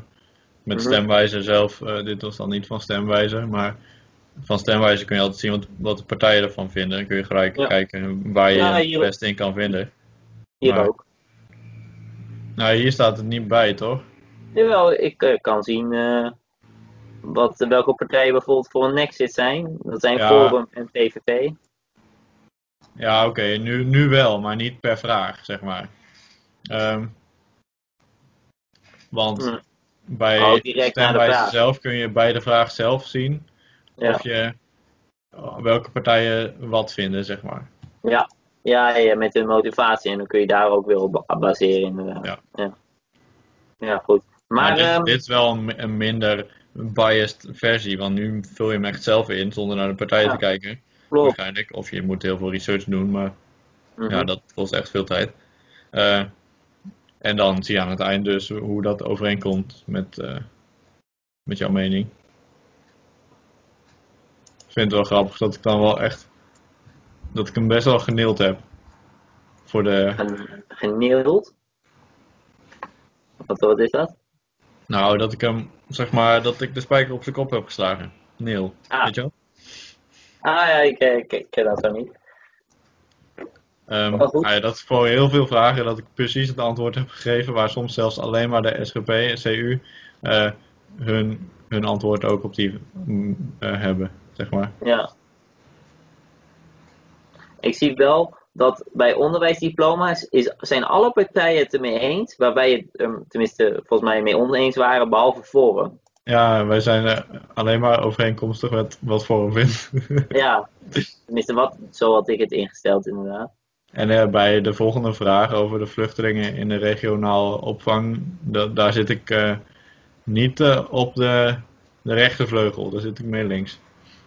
Ja. doordat ik daarmee eens ben, zit ik meer met, met andere partijen die daar ook mee eens zijn dan met de CU-SGP.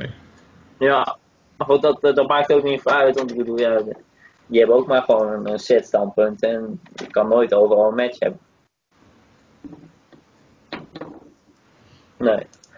Maar eh, goed, nu moeten we natuurlijk een, een aantal koeien geven. Hoeveel koeien geven wij de jongere kieswijze als beoordeling?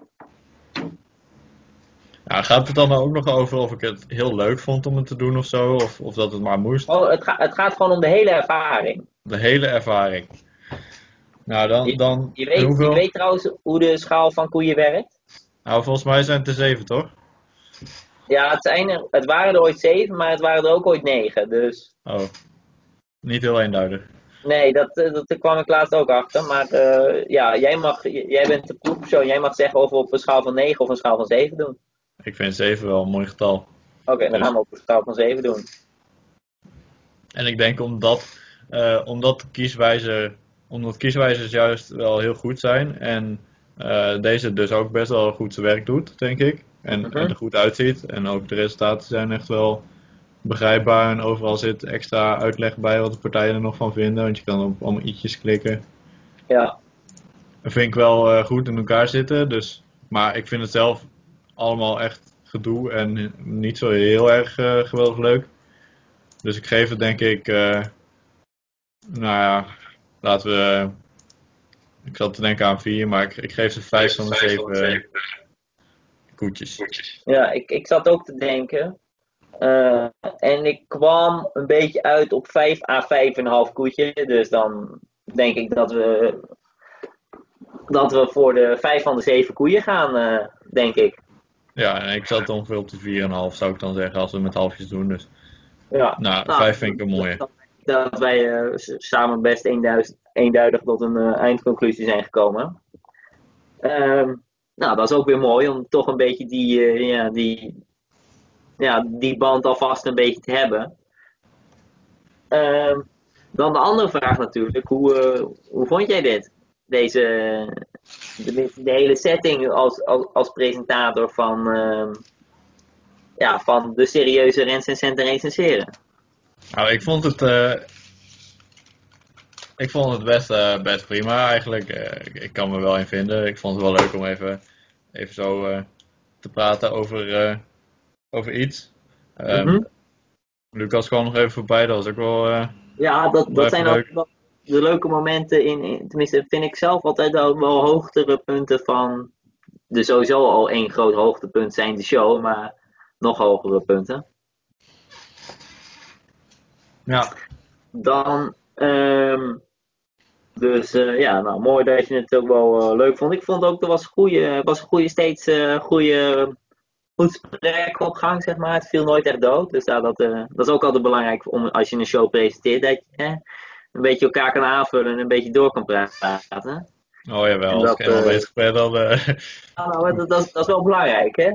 En, ehm, maar goed, misschien eh, kunnen wij ook nog wat de, de kijkers meegeven. Want, ja, jij- Ja, ik wilde nog wel iets zeggen over de show.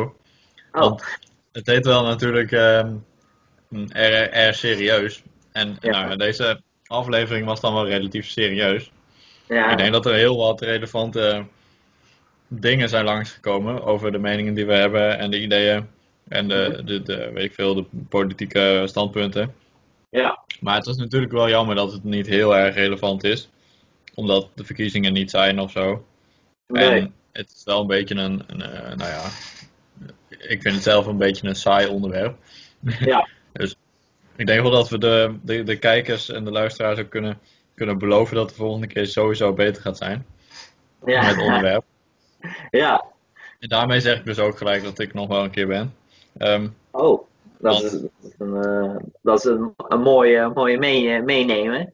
ja, want, want ja, nou ja, ik, ik eh, denk dat het wel, eh, wel leuk is om dit iets, eh, iets te maken waar, waar mensen ook plezier aan kunnen beleven.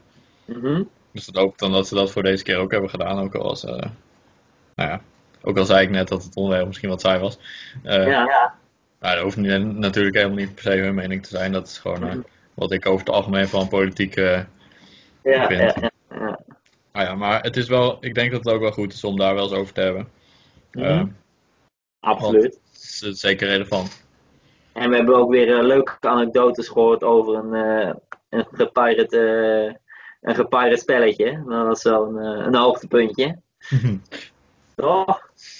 En ehm, ja, dan zat ik te denken, we kunnen wel een, eh, een prijsvraag uitschrijven over een, een, eh, het beste, om toch een beetje in deze sfeer te blijven, over de, iets van de beste betoog over, ehm, over de Europese Unie. Mhm. Die, eh, en, de, en, ja, de beste die, die, krijgt, die krijgt de prijs. Dus we willen mensen dan vragen om een, een kort maar krachtig statement te maken over wat zij van de EU vinden. Of, of hoe het. ehm, Hoe het ja, zoiets. Ja. En ehm, hebben we ook nog iets leuks voor de winnaar. De winnaar krijgt sowieso natuurlijk een, eh, een podium in, in, de, in de show om eh, zijn of haar ehm, standpunt eh, ja, toe te lichten. Dat lijkt me wel een goeie. Dat, want die krijgt dan toch een, ehm, een mogelijkheid om voor ons miljoenen publiek zijn ehm, mening eh, te etaleren. Ja, ja. En, en ik zat net dus. Ik zat net iets te eten en dat was een chocoladereep. Een Mhm. stukje daarvan, eh, want ik eet niet een hele chocoladereep in één keer. Dat, eh, zo, zo iemand ben ik niet. Maar misschien dat het ook wel leuk is om, om die mensen dan, of die persoon dan een chocoladereep te doen toekomen. Ja, vind ik, ja, dat, dat, daar ben ik het helemaal mee eens. Dus ehm, nu richt ik mij even tot kijken. Ehm, mocht jij denken van, nou, die mensen die weten helemaal niks van de Europese Unie, ik weet het veel beter. Ehm, ja, schrijf hem een kort maar krachtig statement. Eh, mail dat naar rrr serieus, en eh, jij zal in de volgende uitzending een drie minuut durende monoloog mogen houden over jouw mening zonder interrupties en jij krijgt een geweldige chocoladereep. Van Ehm, mij mag het ook langer hoor. Dan drie Ja, minuten. dan, nou ja, we, zijn een, het, het, we zijn een snelle show, hè? We moeten, eh, anders zijn de kijkers afgehaakt. Oh, weet je dat nou? en er moet nog geen geknipt worden, hè? Ja. Ehm, goed, dan is dat ook geweest. Ehm, dan natuurlijk nog een, eh, een vraag aan jou, Koyan. Heb jij nog een mooie afsluiter voor... Nou, dat wil ik de mensen, de kijkers die het tot hiertoe eh hebben gehaald, wil ik nog wel even meegeven. Ehm, ja, waar zitten we aan te denken dan? Een, eh, gewoon een, een joejoe en, en vandoor? Of, eh, Een, een, een- iets wat jij nog in je dagelijks leven hebt meegemaakt waarvan je denkt van, nou, hè, ah, zo. Dat, Nou. eh, dat, vind, ja, dat is wel verdienstwaardig dat mensen dat nog even horen. Waar ik gewoon heel enthousiast van werd. Ja. Bijvoorbeeld. Nou, ik heb, ik heb dus eigenlijk wel een beetje een soort van nieuwe sport opgepakt de afgelopen tijd. Zo, En, en ik, ik was eigenlijk wel heel, wel heel enthousiast toen ik, ehm, toen ik hoorde dat dat in, binnen de RSK ook een plekje kreeg. Ik weet niet of je al, al een beetje weet eh, of kan raden waar dat dan over gaat. Eh, squash. nee, dat niet. Dat, dat deed ik al een poosje en, en dat, ja, ik weet niet. Dat, Ah, ik- is een beetje doodge, doodgebloed. Ik, nee, dat, eh, nee, dan, ja, het heeft te maken met het intro weekend. Ehm, oh, boulderen. ja, ja. Weet je wat het is? Ja, ik heb het zelfs een keertje gedaan met mijn uh, Argo-commissie. dus de, mijn commissie die ik bij mijn studievereniging doe, hebben we een Ja, keertje ja. als commissie-uitje dat gedaan. En eh, wat vond je ervan? Ehm, ja, ik zou het ook eh, eh, vijf koeien geven. Vijf koeien. Nou, dat is, dat, dat is niet heel verkeerd. Misschien zelfs 4,5. Ik vond het wel leuk, maar dat was het ook. Nou, wat vond je daar eh, niet zo leuk aan dan? Ik vond het op een gegeven moment toch een beetje eentonig worden. Want ja, ik moet wel toegeven, ik had ook niet zulke hele schoenen. Niet zulke hele goede schoenen. Dus als ik betere schoenen had gehad, dan was het misschien ook wel leuker geweest. Inderdaad, dat moet ik wel, eh, dat moet ik wel eerlijk toegeven, inderdaad. Het is ook ongeveer de enige, nou ja, samen met van dat witte poeder, eh, Hm. is het ook wel ongeveer de enige tools die je hebt, hè? Ja, klopt. want- verder heb je niet zoveel nee, nodig. Die waren een beetje zacht, zeg maar, waardoor je niet goed kon, dingen kon neerzetten, zeg maar. Dat, eh, Ja, dat is wel, wel kritiek, ja. ja. Ja. Ja, dat, Ik- dat, dat moet ik nu ook toegeven, inderdaad. Ja. Nou ja, ik heb dus eh, dat, dat wel een paar keer gedaan de afgelopen tijd. En eh, Hm. nu gaat het er een beetje naartoe dat het ongeveer elke week gaat gebeuren. Zo, En misschien dat ik zelf, nou ja, het is me lastig om, om, om dat dus elke week te plannen samen met iemand die de hele dag eigenlijk over het algemeen bezig is. Eh, maar ik zit meer thuis en ik heb ook wel ietsje meer tijd om dat te doen. Dus misschien dat ik zelf ook nog wel eh, van plan ben om dat vaker te doen. Eh, misschien twee keer per week zat ik aan te denken. ja. Nou, dan vind ik dat wel een mooie ritme voor sportief iets. En een beetje aan mijn fitness werken en zo. En niet de hele dag alleen maar op de stoel zitten. Of, of zo.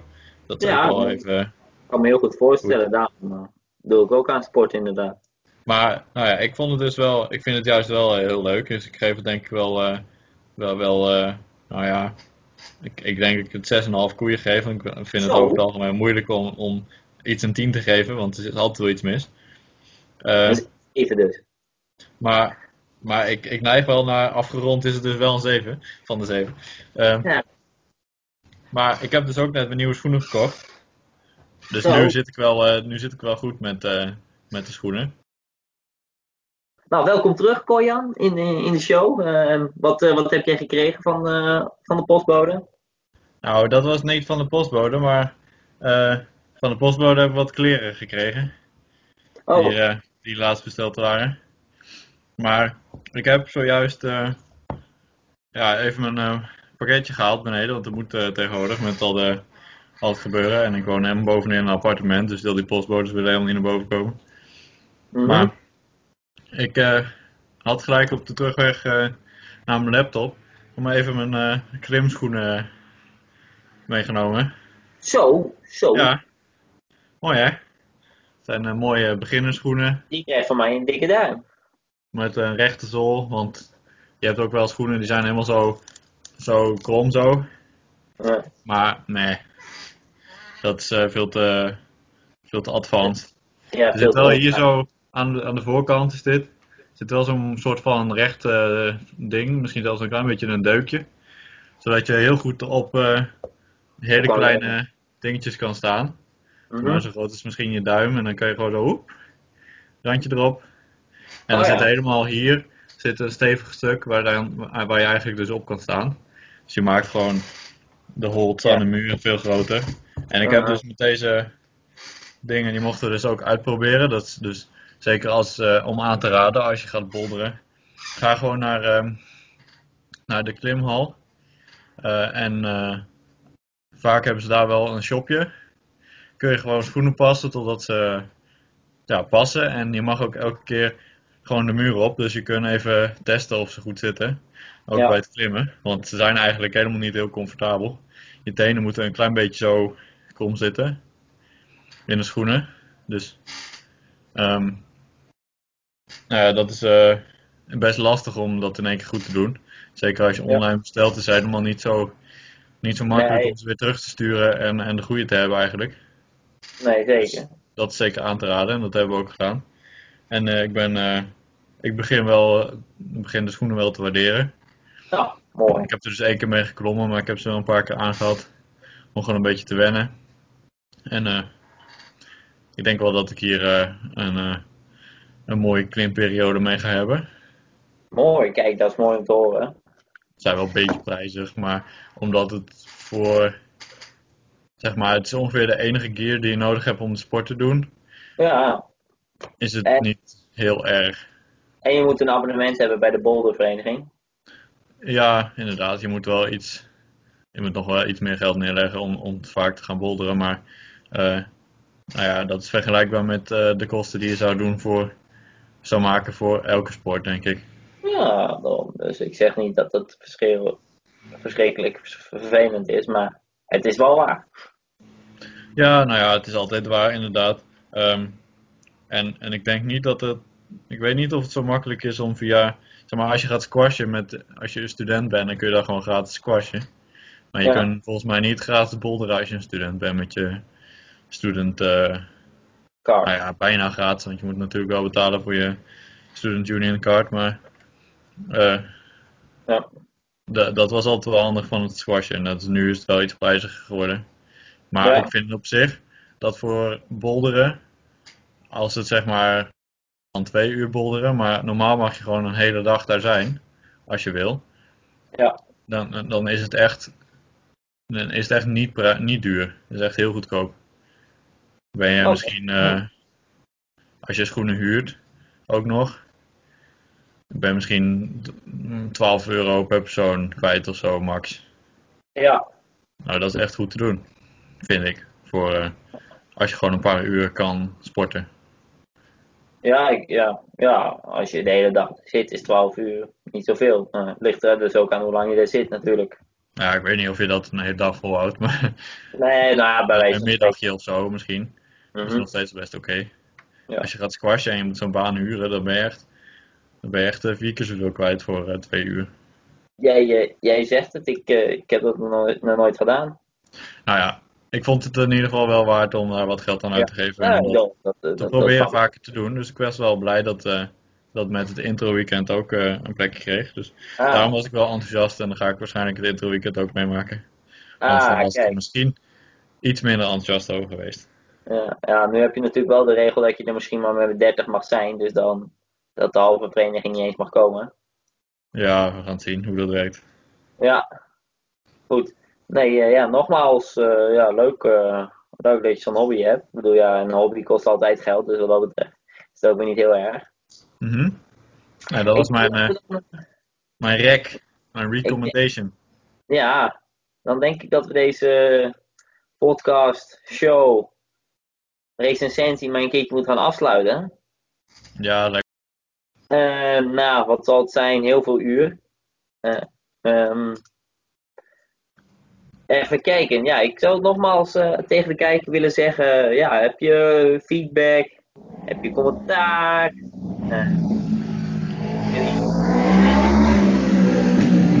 Mooi op achtergrond. Ja, ik kom de dikke motor langs hier. eh. Ja. Je mocht niet gehoord hebben, heb je commentaar, heb je feedback? Ehm, wil je graag in de uitzending als expert worden opgeroepen? Eh, stuur dan zeker een mailtje naar rrserieus@rsk.nl.